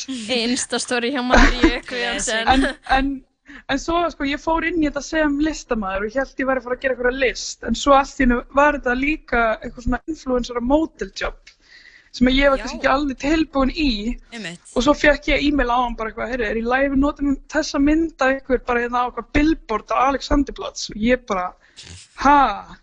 Þú veist, mér er náttúrulega alltaf langað til að vera model, sko, en þetta er mjög, þetta er mjög skemmtilegt, sko. En, Þú sagðir já þá, það ekki?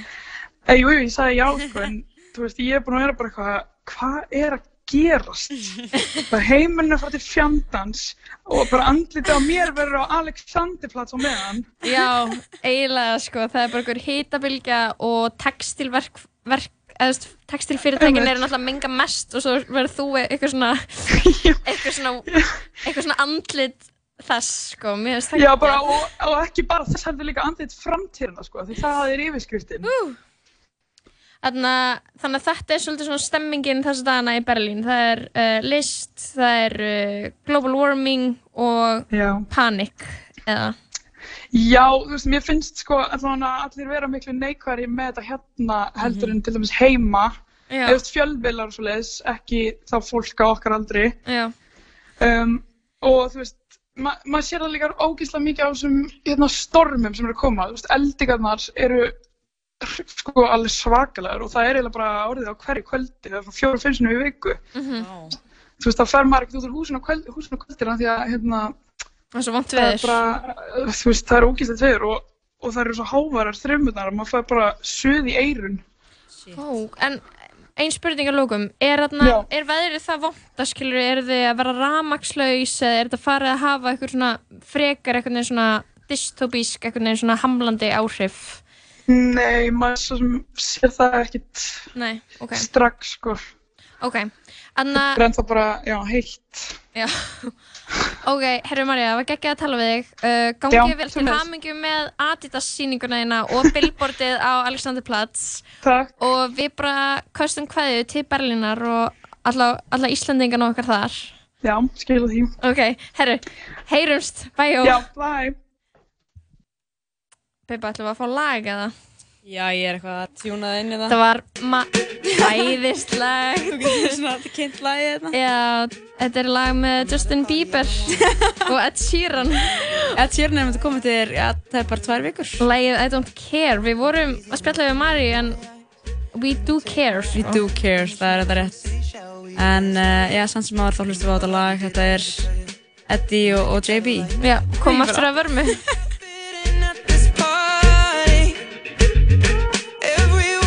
So much to say.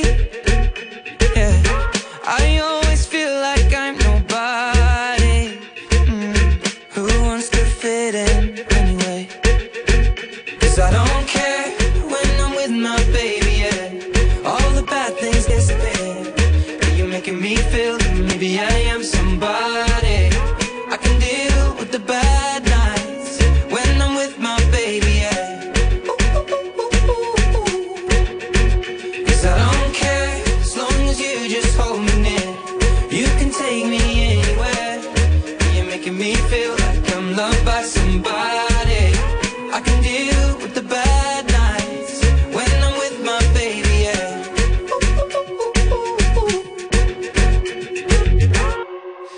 a party we don't wanna be at. Trying to talk, but we can't hear ourselves. Pictureless, I'd rather kiss them right back. But all these people all around, I'm crippled with anxiety. But I'm told it's where I'm supposed to be. You know what? It's kinda crazy, cause I really don't mind. Can you make it better like that? Don't think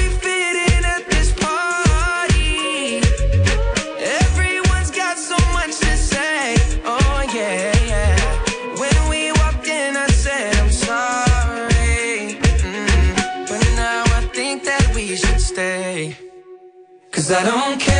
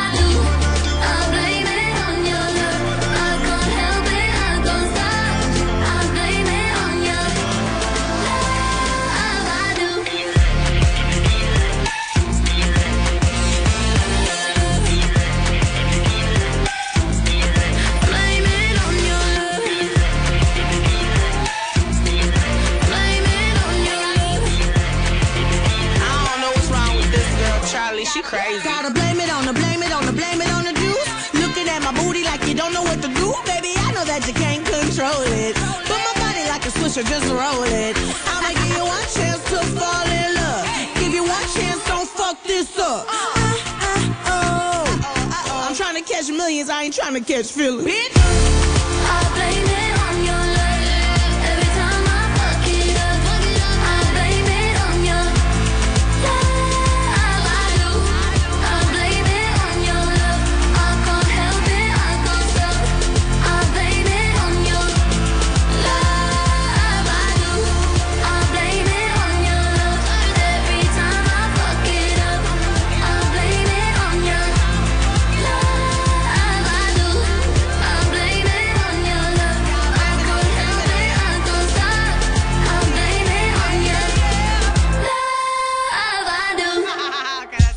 Ok, ok, ok, slökum á, hei, hei, hei. Það er Fila, Champion, Nike og Vans. Nýjar sendingar í hverju viku. Og kæru vinir, það eru útsölur í fullum gangi akkurat núna. Urban. Þú finnur fréttir, þætti og tónlist á heimasíðun okkar 101.life Já, við erum komin aftur Birna Marja og Lóa Björk með þér í síðdeginu hérna á, já, útarpindrænum Hörku þáttur hjá okkur, Lóa. Já, við erum að taka stórumálunum. Það er uh, yfirdráttadagurinn og... Þetta er stórumálin, umhverfismál og verslunarmannahelgin já, ég ætla, já, einmitt, við ætlum að fara eins yfir þessu þung, úr þessum þungu, þungu umræðum um yfirvonandi heimsanda yfir í bara næstu helgi. Wow! Nei, ok, hættum þarna... Ég hætti að öskra, ég get, það. Strax svo kemur lag í þessu stúdíói, þá erum við bara öskra til skiptist. Svona er þetta þegar maður drekkur óslega mikið af not show. Kaffi Sko, við erum að tala um að já, Vestlurmannahelgin er núna næstu helgi sem er náttúrulega í stór ferðahelgi og uh, já, við vonum að allir velji umhverfisvæna leið þó svo maður að þurfi að taka á Nei, nei, bara ekki fara einn í bíl skilur, Já, fyrstu bílinn af fólki. Ok, ef ykkur er, sorry, ef ykkur er leiðin út í um helgina einn í bíl, hvað er að? Lóa er reið, sko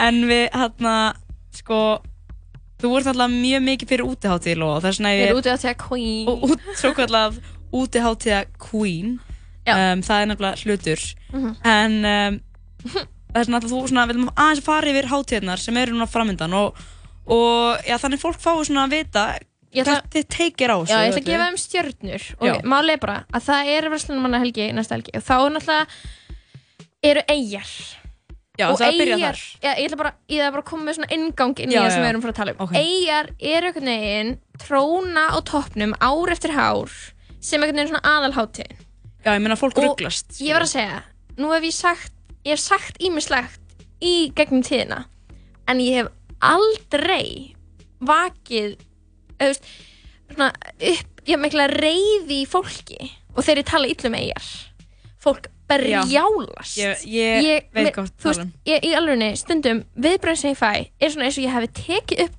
kettling og kveikt í honum. Og fólk í alvegni berjálast þegar ég tala illa með eigjar og ég er bara eitthvað mm, og það besta er náttúrulega fólk elskar það náttúrulega að benda mér á og ég hafa aldrei farið Byrju, má ég ekki hafa skoðin að eigum þátt ég hafa aldrei farið? Sko, hvað er það við eigjar? Er það eigjar sem vestmann eigjar eða, eða þjóðatíð? Það er menningin. Á þjóðatíð hún fagnar því versta í Íslandingum ok, ég held reyndar, ég ætla bara að segja hérna er smá for eh, aðeins smá svona hvað hvað maður að segja? Um, að aðtugasend Já, aðtugasend Einmitt. að það eru tvær þjóðatíðir í gangi í eigum ein er svo sem heimamenn halda. Og hinn er þetta lið sem kemur með þú veist sjö rútur af Já. Tuborg Classic og 50 kippur af Smirnoff Ice og ógeðslega mega gæjóli og deyr í dalnum. Einmitt, sko. Þa, þetta eru tvær, þetta er, þetta er ekki sama hátíðin skilur Ég þannig ég held ætla ekki að samt, drulla sko- yfir hitt. Nei, en ég held samt sko að þessi já, þessi cozy hlið þarna, þú veist, sem er heima. Sem er fjölskyldu Þú veist, heimamannadæmi, Það eru hvítu tjöldin, það er, ná, getur fyrir að fengja að borða og, og uh, þú ferð, þú veist, alla leið, það er húkara ballið og eitthvað svona dótri, ég veit eins og hvort það sé eitthvað sem að heimamenn gera, en samt einhvern veginn líka elska, ég ætla ekki að alhæfa, en þú veist, elska hvítu tjöldin að fá fólk til sín og bara borða þetta, ég var að baka þetta alla vikuna, skilur Já, já, já, já, og bara, já. jú, fáðu þetta, fáðu þetta, fáðu þetta við erum spyrjandi allan dag og bara, þú verður að smaka þetta, viltu þetta og bara syngja þessi lög Þetta- og allir kunnast þetta í mjög merger. eiga lögin, skilur Já. þannig að ég held svona líka að sé svona einhver orka sem saminast og Mhm. fólk er svo til það, en svo get ég líka trúa að sumir og margir heimamenn séu stundum svona, jæja skilur Já, en ég held alveg, ok, hugsum aðeins út í hvað vestmennir eru. Þær eru eigjar. Mhm. Við ennþá minn, eða við eigu. Þetta er lítil eiga við hliðina á annari eigu. Og þetta er bara svona, þetta er kannski smá einangra samfélag.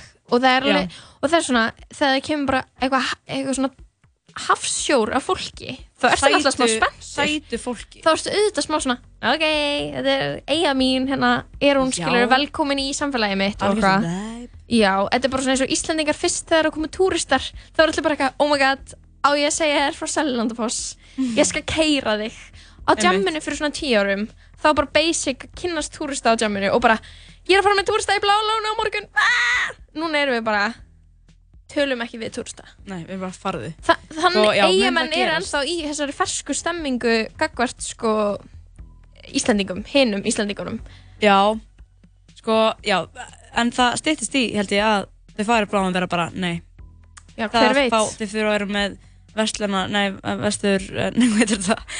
Vestmannaeyingar. Vestmanneia, Blóð. eiriskan, unna, ríkisborgarétt. en sko, Herru, ég vil sjálfstæði vestmanni frá Íslandi. en eigjar er nefnilega snild, bara Já. sem hlutur, skilur, ekki sem Mhm. þjóðatíð. Eyjar eru flottar. Og ég elska að fara til Vestmanneia. Ég hef aldrei farið. En þú er aldrei farið til eiga, heldur, ok. Mhm. Af því að, Ég þarna- flói þar yfir á svona lítilli rellu og svo Já, flói það frá mjöllum klettunum og séð. Ok, það er næstu tekið með. Ok, ég ger svona er- snertilendingu á flugvellinum. Það er náttúrulega nóg hægt að gera þarna. Mhm. Og það er mjög skemmtilegt að vera þarna, en mér finnst eða svona, bara nýtur ekkert vestmanneja þegar maður er á þjóðatíð. Fullur í tjaldi? Nei.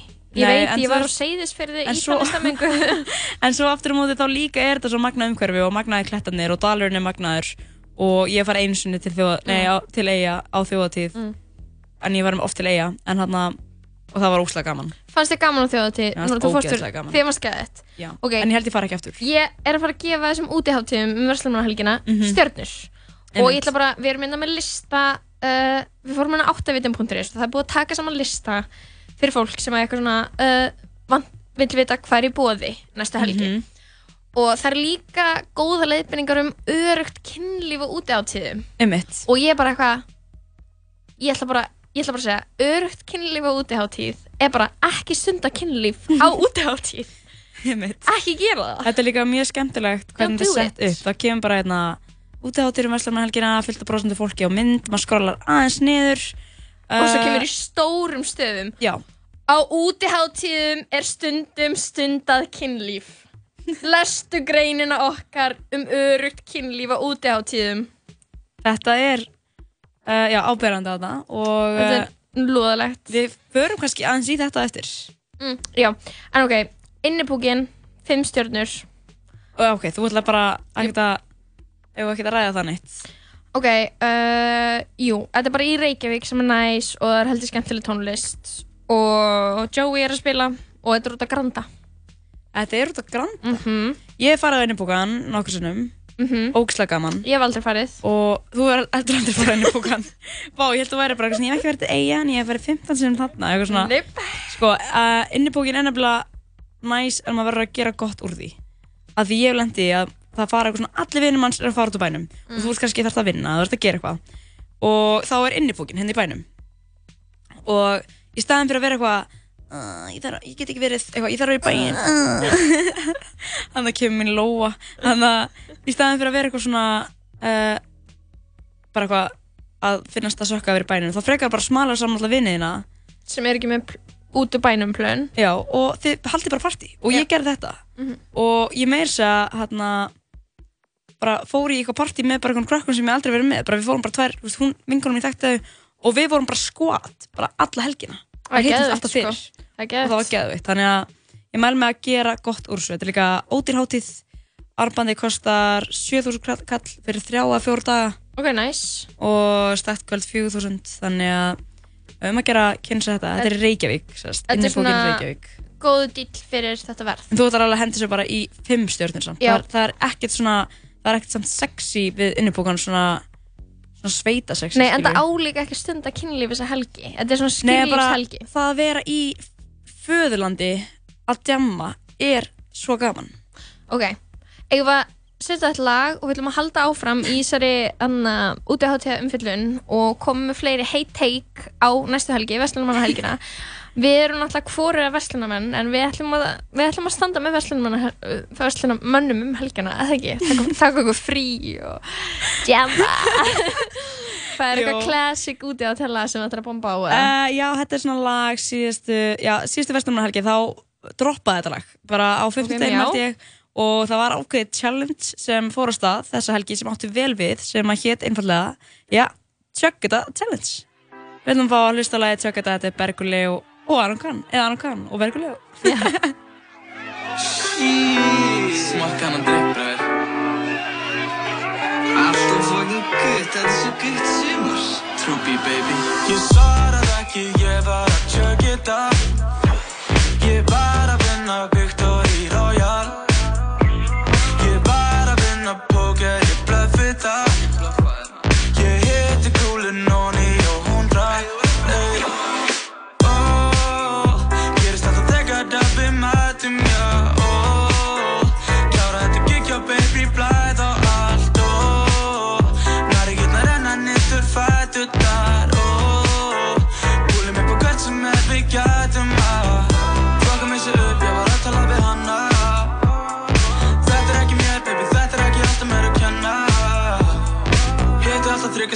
köri stóra tölu til að spenda.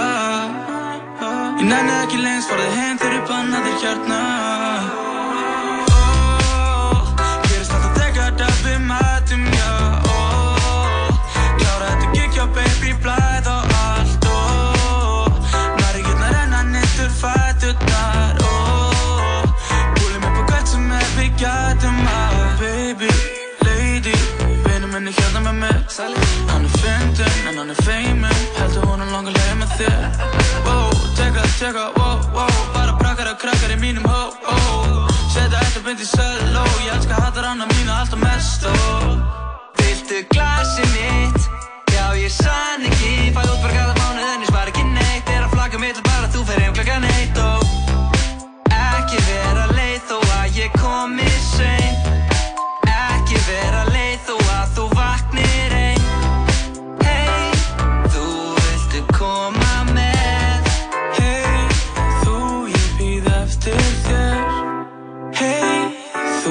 viltu koma með?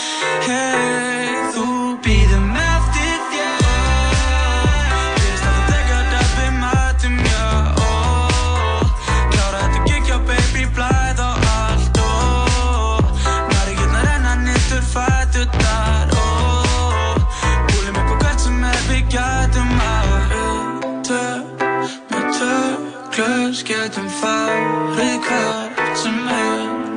Við gætum allt Við tvö, með tvö glös getum farið hvert sem er. Við gætum allt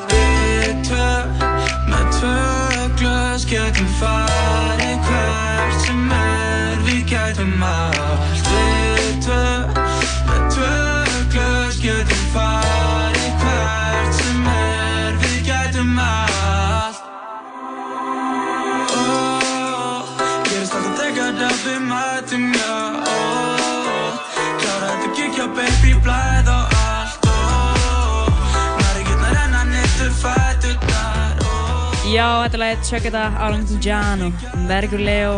Þetta er svona, já, lag allavega þjóðatíðar á síðast ári, nei, í fyrra. Hvað er allir bergurlega verðið næsta helgi? Okay, það er kannski margir sem vilja einhvern veginn miða sitt plan út frá því hvað hann er gæti verið.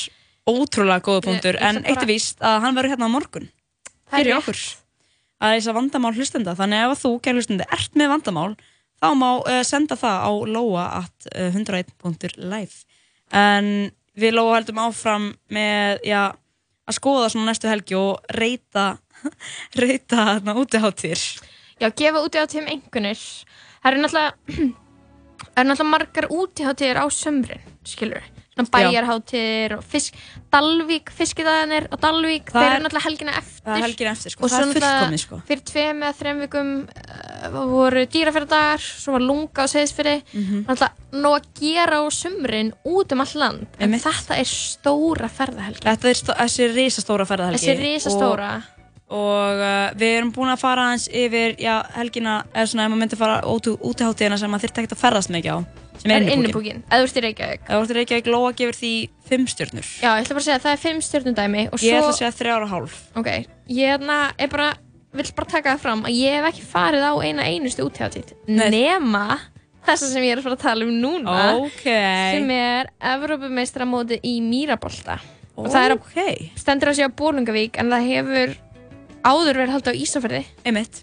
og ég er þarna hjarta mitt það, ég er með svona strengur hjartanu mínu yfir á Ísafjörð Ég er Já, svona- þú ert þaðan? Ég, nei, uh, ég er frá Vestfjörðum eða svona skilur á ættir skilur að reykja Mhm, þangað mhm. en ég hef unnið svolítið á Ísafjörði Já. og ég þekki nokkra Ísfjörðingar svona, li- svona key players á, á Ísafjörði Svona nokkra, nokkri bergir, bergur Leo svona nokkra svona mikilvæga Já, sko. einmitt. Og þarna, það er svona er þetta góða hátíð, ég ætla að gefa henni uh, þrjár stjórnur þetta er gæðið úti hátíð en þú ert alltaf öll út í drullu og það er bara Einmitt.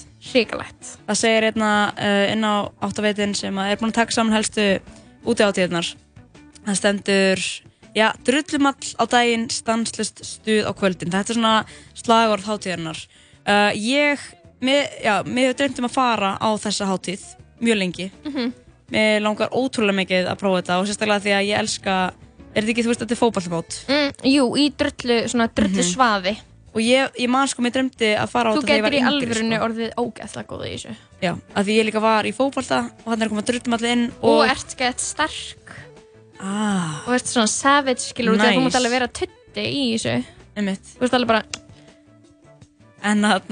En ok, ég var að mynda að segja á þann og því að þú veist að segja að Bergur Leo væri uh, með lægið sem var svona eigalægið í fyrra Mhm. og ég var að spurja hann hvar hann yrði, hver hans plön væri um Vestló og hann sagði að hann yrði allavega ekki í eigum þannig að Ok, þetta ok. mun örgulega hryggja nokkra sem eiga að leggja leiðsina til eiga en hann verður ekki þar hann kannski hlustar á þáttinn og já, þá hann kannski fá smá svona já, hugmyndir fyrir næsta helgi allavega uh, Mýraboltinn fær fjóra stjörnum frá mér.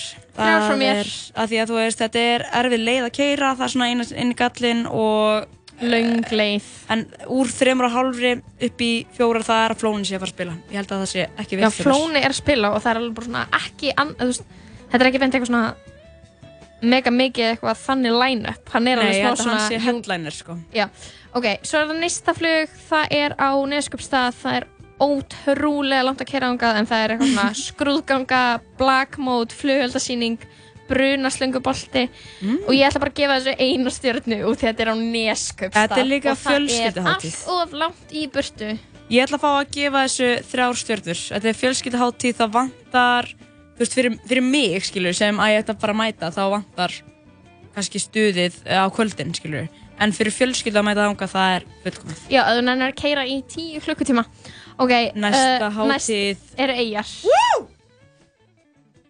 Ég ætla að segja 0 stjörnur Það er að setja 0 stjörnur að eigar, Lofbjörg. alveg Ekki- á móti í prinsipinu bara á móti eigum sko. Lofbjörg, uh, þú ert að reyna að... Ég reyna að reyta vinnu minn til reyði sko. Vinniðina, sko, þú átt enga vinn, nei, ok, sem er að en Ég á vini þess ekki lengur. Já, út af því að allir eru reyðir út í eigatekið mitt Nei, ok, ég er sko...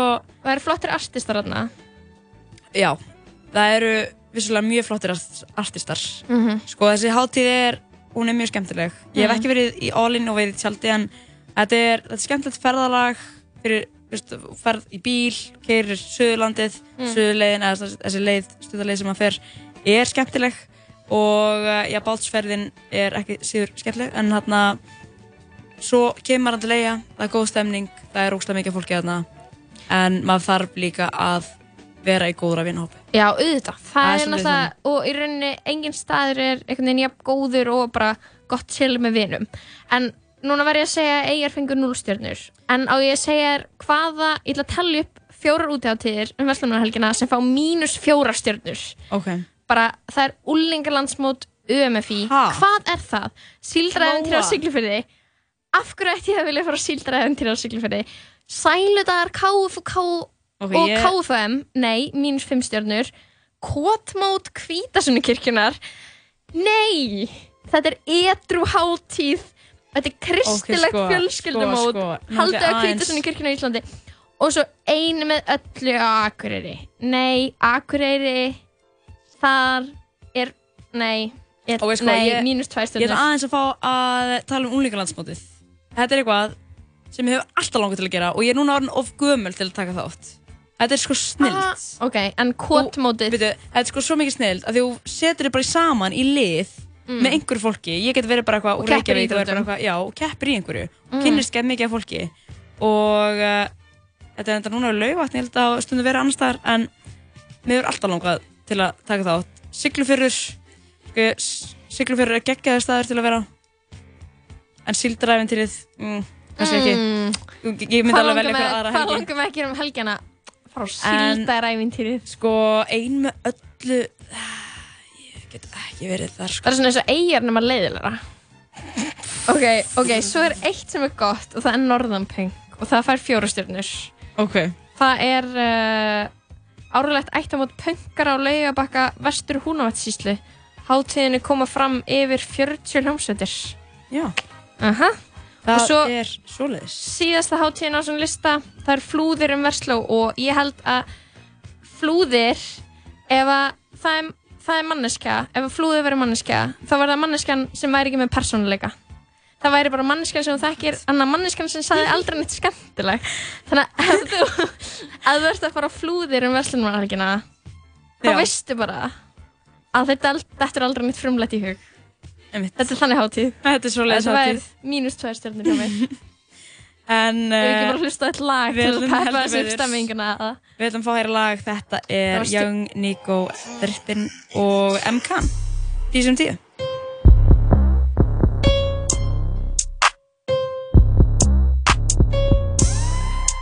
Tíu sinnum tíu, alltaf þið tíu og það er gang. Gæla þinn up in the feelings, no I ain't beating them straight Up in band or cutting these bankrolls, I'ma shot you go bam I ain't really into talking, back it I'm boring, fuck with the chat Tíu sinnum them alltaf þið the og það er gang Gæla þinn up in the feelings, no I ain't beating them straight Up in the band or cutting these bankrolls, I'ma shot you go bam I ain't really into talking, back it I'm boring, fuck with the chat Okay, okay. Let me just get this straight. See, man try to say my name. Why? Only cause I fucked his babe. Like, no, I ain't into the verbal, so I pull up and I splash my bait. MCs that eat with a fade. JR go G check you, so this fuck off blade. Splash no tops and I run from cops. Ain't been there, so the squad got locked. J's on my feet and I mix with a bop. Yeah, I dip down, enough of them up block fox. Get round there tryna bring something long. 5 0 come skr skr, I'm gone. Get round there tryna bring something long. 5 0 come skr skr, I'm gone. Tio sinum tíu, alltaf þeir the og það er gang þinn up in the feelings, no I ain't beating er sveið Up in the bando, cutting these bankrolls. I'ma shot you go bam. I ain't really into the talking, back it I'm boring, fuck with the chat. Tio sinum tíu, alltaf þeir tíu og I er gang. Þinn up in the feelings, no I ain't beating þeim er sveið Up in the bando, cutting these bankrolls. I'ma shot you go bam I ain't really into the talking, back it I'm boring, fuck with the chat. Tíu sunnum tíu, bankroll, hvað er onni í pókanum? Risastór bands Hoppa út úr þóttinni, beint inn í bands og þú veist það er öskrandi gang. Þetta er trap svo ég fæ ekki svefn Svört trú að þeir sjá ekki gegn Búinn að vera að ferðinu með Guðjón og Sækis og Pax. Flott shit, ég er að stapla sem leys Tíu sunnum tíu, það er hundra pókan ká Ertu fake eða make is a place? Ekki fokk spurninga ég með þetta lás. 2-2-0 UK, Bílinn er sport, ég er að bolt eins og FA Pull up á mic og ég pull up á þá. Pull up á þér og þið brá. Tíu sinum tíu, alltaf þeir tíu og það er gang. Gæla þinn up in the feelings, no I ain't beating þeim er sveið Up in the bando, cutting these bankrolls. I'ma shot you go bam I ain't really into the talking, back it I'm boring, fuck with the chat. Tíu sinum tíu, alltaf þeir tíu og það er gang. Þinn up in the feelings, no I ain't beating er sveið Up in the bando, cutting these bankrolls I'ma shot you go bam. I ain't really into the talking, back it I'm boring, fuck with the chat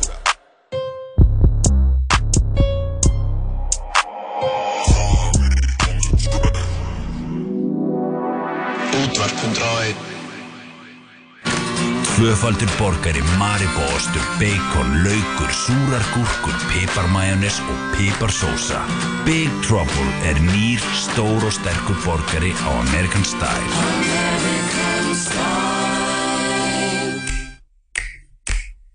Látum bílakaupin smetla. Ergo býður fjölbreytta möguleika í bílafjármögnun. Kynntuður kostina á ergo.is.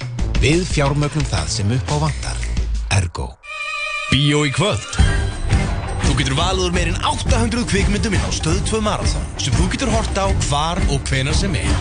Þér áskrift fyrir aðeins 2490 krónur á mánuði á stöð2.is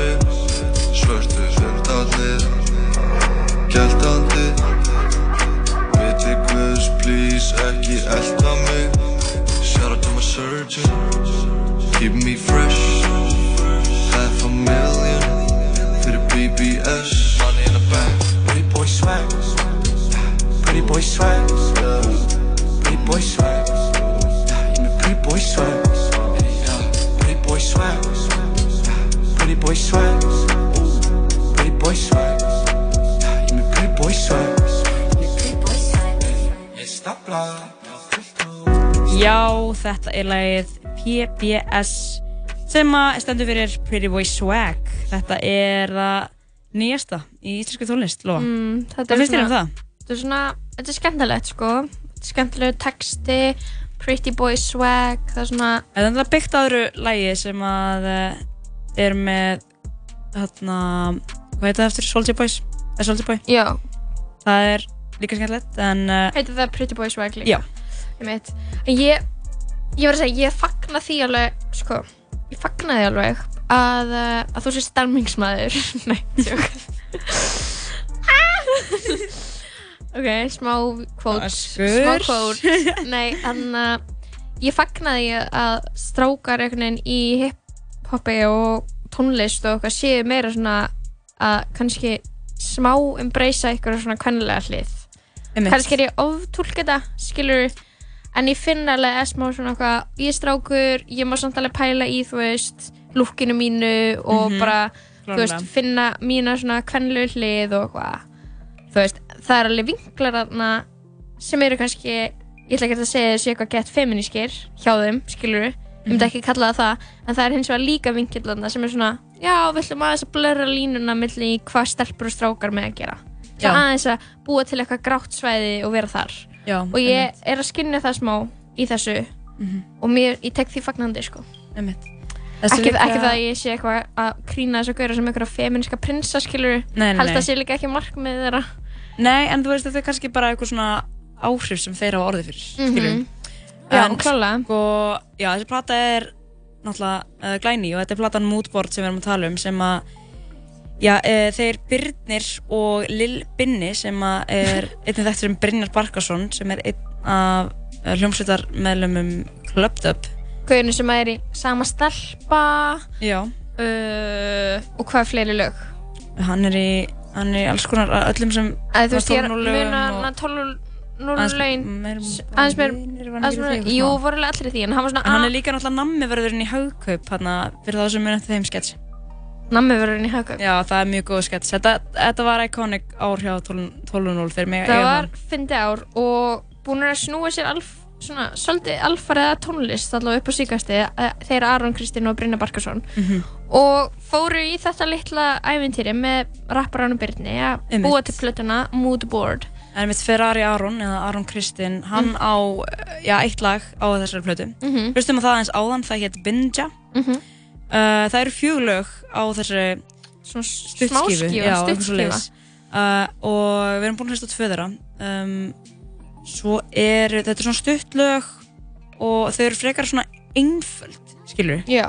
Þeir eru svolítið svona að bara tala þegar þeir eru að syngja Mm, eða rappa, mhm. þú veist, þeir eru bara svona pretty boy swag þau eru ekkert eitthvað að öskra eða eitthvað að Mhm. spitta, skilur, þeir eru bara Mhm. svona já, frekar svona afslappað lástemdir, getur maður ekki sagt Mhm, það mhm.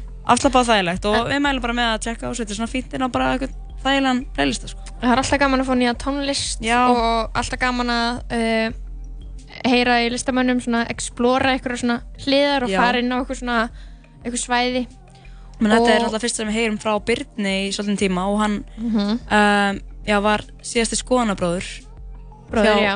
hjá hérna Snorra og Becca Más, Másónum Já, og þeir hérna uh, töluðu við hann og þetta var eiginlega hálfgerð svona mannlífsviðtal hjá þeim. Já, þetta sjálf- fór einhvern veginn út fyrir skoðanir yfir í bara svona líðan Djúpar pælingar, Pælingar. og, og jafnvel, þú veist, auðvitað skoðanir þar á milli, skilur en uh, þetta hefur verið svona já, helstu fjölmiðlar hafa svolítið svona hent sér í þetta Mhm. hlaðvarp Mhm. og Þetta var, var svo svona þessu. stórfrétt sem að fór á marga miðla. Mhm. var stórfrétt á vísi og mest lesið held ég. Allavega ofalega á þeim lista. En uh, það gaman þegar að það eru tekin svona djúb við til við listamenn sko. Já. bara svona, hei, hvernig ert þú skilur, það er alltaf gaman fyrir aðdæðandur skilur og þetta er klárlega eitthvað sem að fólk ætla að tjekka á ef að, Mhm. ef að það hefur áhuga að reyra já, hvernig Byrni líður og hvernig hann lítur á lífið. Já. Þetta var mjög interesting. En uh, Lóa, þú hérna ég var að reyta úti á tíðir Þú varst að reyta úti á tíðir eða á íslensku, gefa stjörnu gefa stjörnugjöf. Já, þú veist varst að stjarna þér? já, ég var að stjarna það en hann að ertu komið með plan fyrir næsta helgi? Nei. Það er ekkert plan komið að þér? Nei, ég hérna, er smá stressuð. Út af því að mér langar alveg þess að helgi sé skemmtileg og mér langar bara að gera eitthvað skemmtilegt skilur, og ekki eitthvað svakalega flókið mér langar ekki að keira í tíu klukkutíma en hins vegar langar mér heldur ekki að flúðir Nei. skilur, þannig að ég er svona einhvern veginn í einhverju limbói og Mhm. ég er búin að vera ég er búin að vera að posta svolítið í svona close friends á Instagram svona, hei, hvað á ég að gera um Einmitt. Vestlumarhelgina Mhm. Og ég er ekki búin að fá eitt einsta svar. Og get, já, ég Gæti- þegið upp á snungur Ok, þarna uh, Við erum alltaf búin að fara yfir svona nokkra hátíðir En svo er líka bara hægt að gera eitthvað allt annað einmitt Bara hend sér útilegu eða Sammi bara að fara í bústað. Já, það, Það er ekkert að því, sko. Get líka, veist, það sem fólk heldur oft er að það, held, það þarf að vera eitthvað svona alla helgina. Þú ferð bara á eitt stað og það er að vera þar alla helgina. Mátt alveg vera í bænum einanótt og fara svo eitthvað í einanótt og koma svo aftur, skilur Mhm. Og fólk er mjög svona dedikerað, þú veist, sínum hátíðum og sínum áfangastöðum. Þetta er næstu eins og trúabröð sko, og pælir í því Hvar Eh, maður er um Vestló og pælir í sko. því, eigjar, það er trúabröð og svo er það bara kotmótið skilur hvíta svona hátíðin nei, hvíta svona kirkjan Já. en með kotmót og KFM og KFK bara, ok, vibes Líka til að leira þetta miskilning, þá, uh, já, þá er uh, ungmenna, hvað heitir þetta? Landsmót.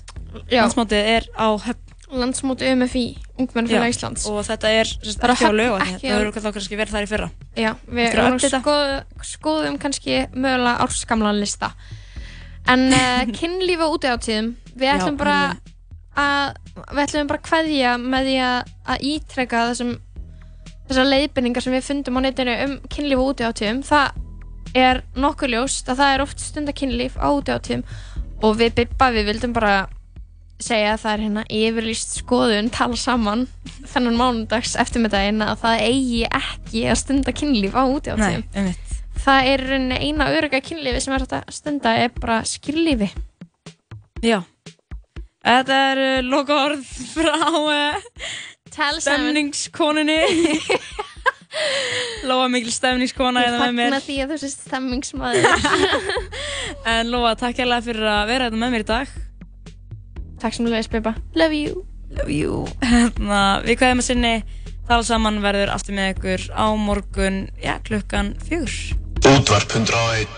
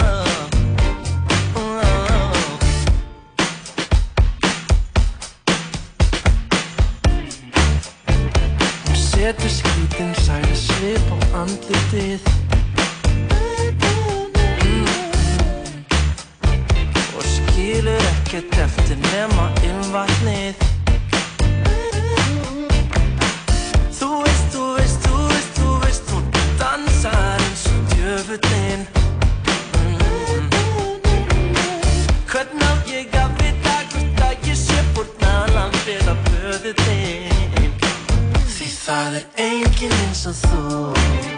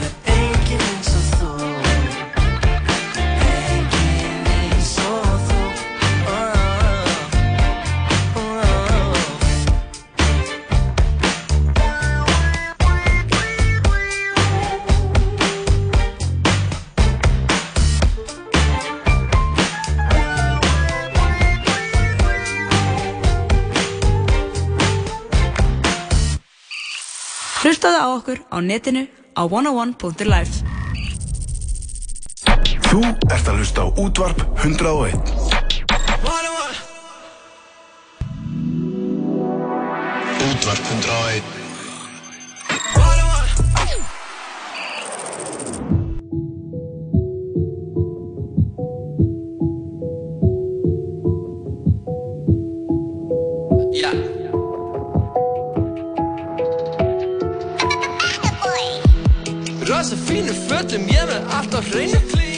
bíó, er í vinnu, rappari með meiri Jóhann eða Joey, hvort að þið að kalla. Kóngurinn í one on one, þekki fokkin alla. Svara ef þú ringur, já ég set ekki á hold. Er með fullt af fínum klæðum, bara silfur, ekki gold, nei. Ú, ég þarf að gera þetta hratt, þeim veist ég verið svo smart. Uh, Ég sakar þér satt ekki kall, þar ég að kenna þér allt? Ekki spyrja mig um neitt, dýri úlpu, ekki heitt. Tappa sósunni á flösku því að hún er alltaf feit, alltaf feit. Ég er fyndin eins og latti Mamma þín, hún ringdi mig, já ég er vist en pappi uh. Vera gladur, vera res, bara anda, ekki stens Það að vera, já, hvæfur Vera gladur, vera res, bara anda, ekki stens Það að vera, já, Vera gladur, vera res, bara anda, ekki stens Það að vera, já, hvæfur Vera gladur, vera res, bara anda, ekki stens Það að vera, já, hvæfur Að vera gladur er það besta sem ég veit. Dúla upp á gate, sést til akkur eira hvað þið eru leim. Er með þeirra pistol lock, ætla að fara upp á topp. Gerðu hlutin, það er flott, en ég er Chris, ég er rock Stjarna, með fleiri en tíu fram að það er erfitt líka gaman fyrir sama, ekki að drama. Ræðu freka málin gaur, erfitt með að spara auð. 200 í hundin og restin öll í fatakaup. Heimskýri ves, kemur sér lag, ég er með tipp og kemur í það. Ryggur eftir, fashion, svo sem minn er eins og haf Vera gladur, vera res, bara anda, ekki stens Það að vera, já, hvæfur Vera gladur, vera res, bara anda, ekki stens Það að vera, já, hvæfur Vera gladur, vera res, bara anda, ekki stens Það að vera, já, hvæfur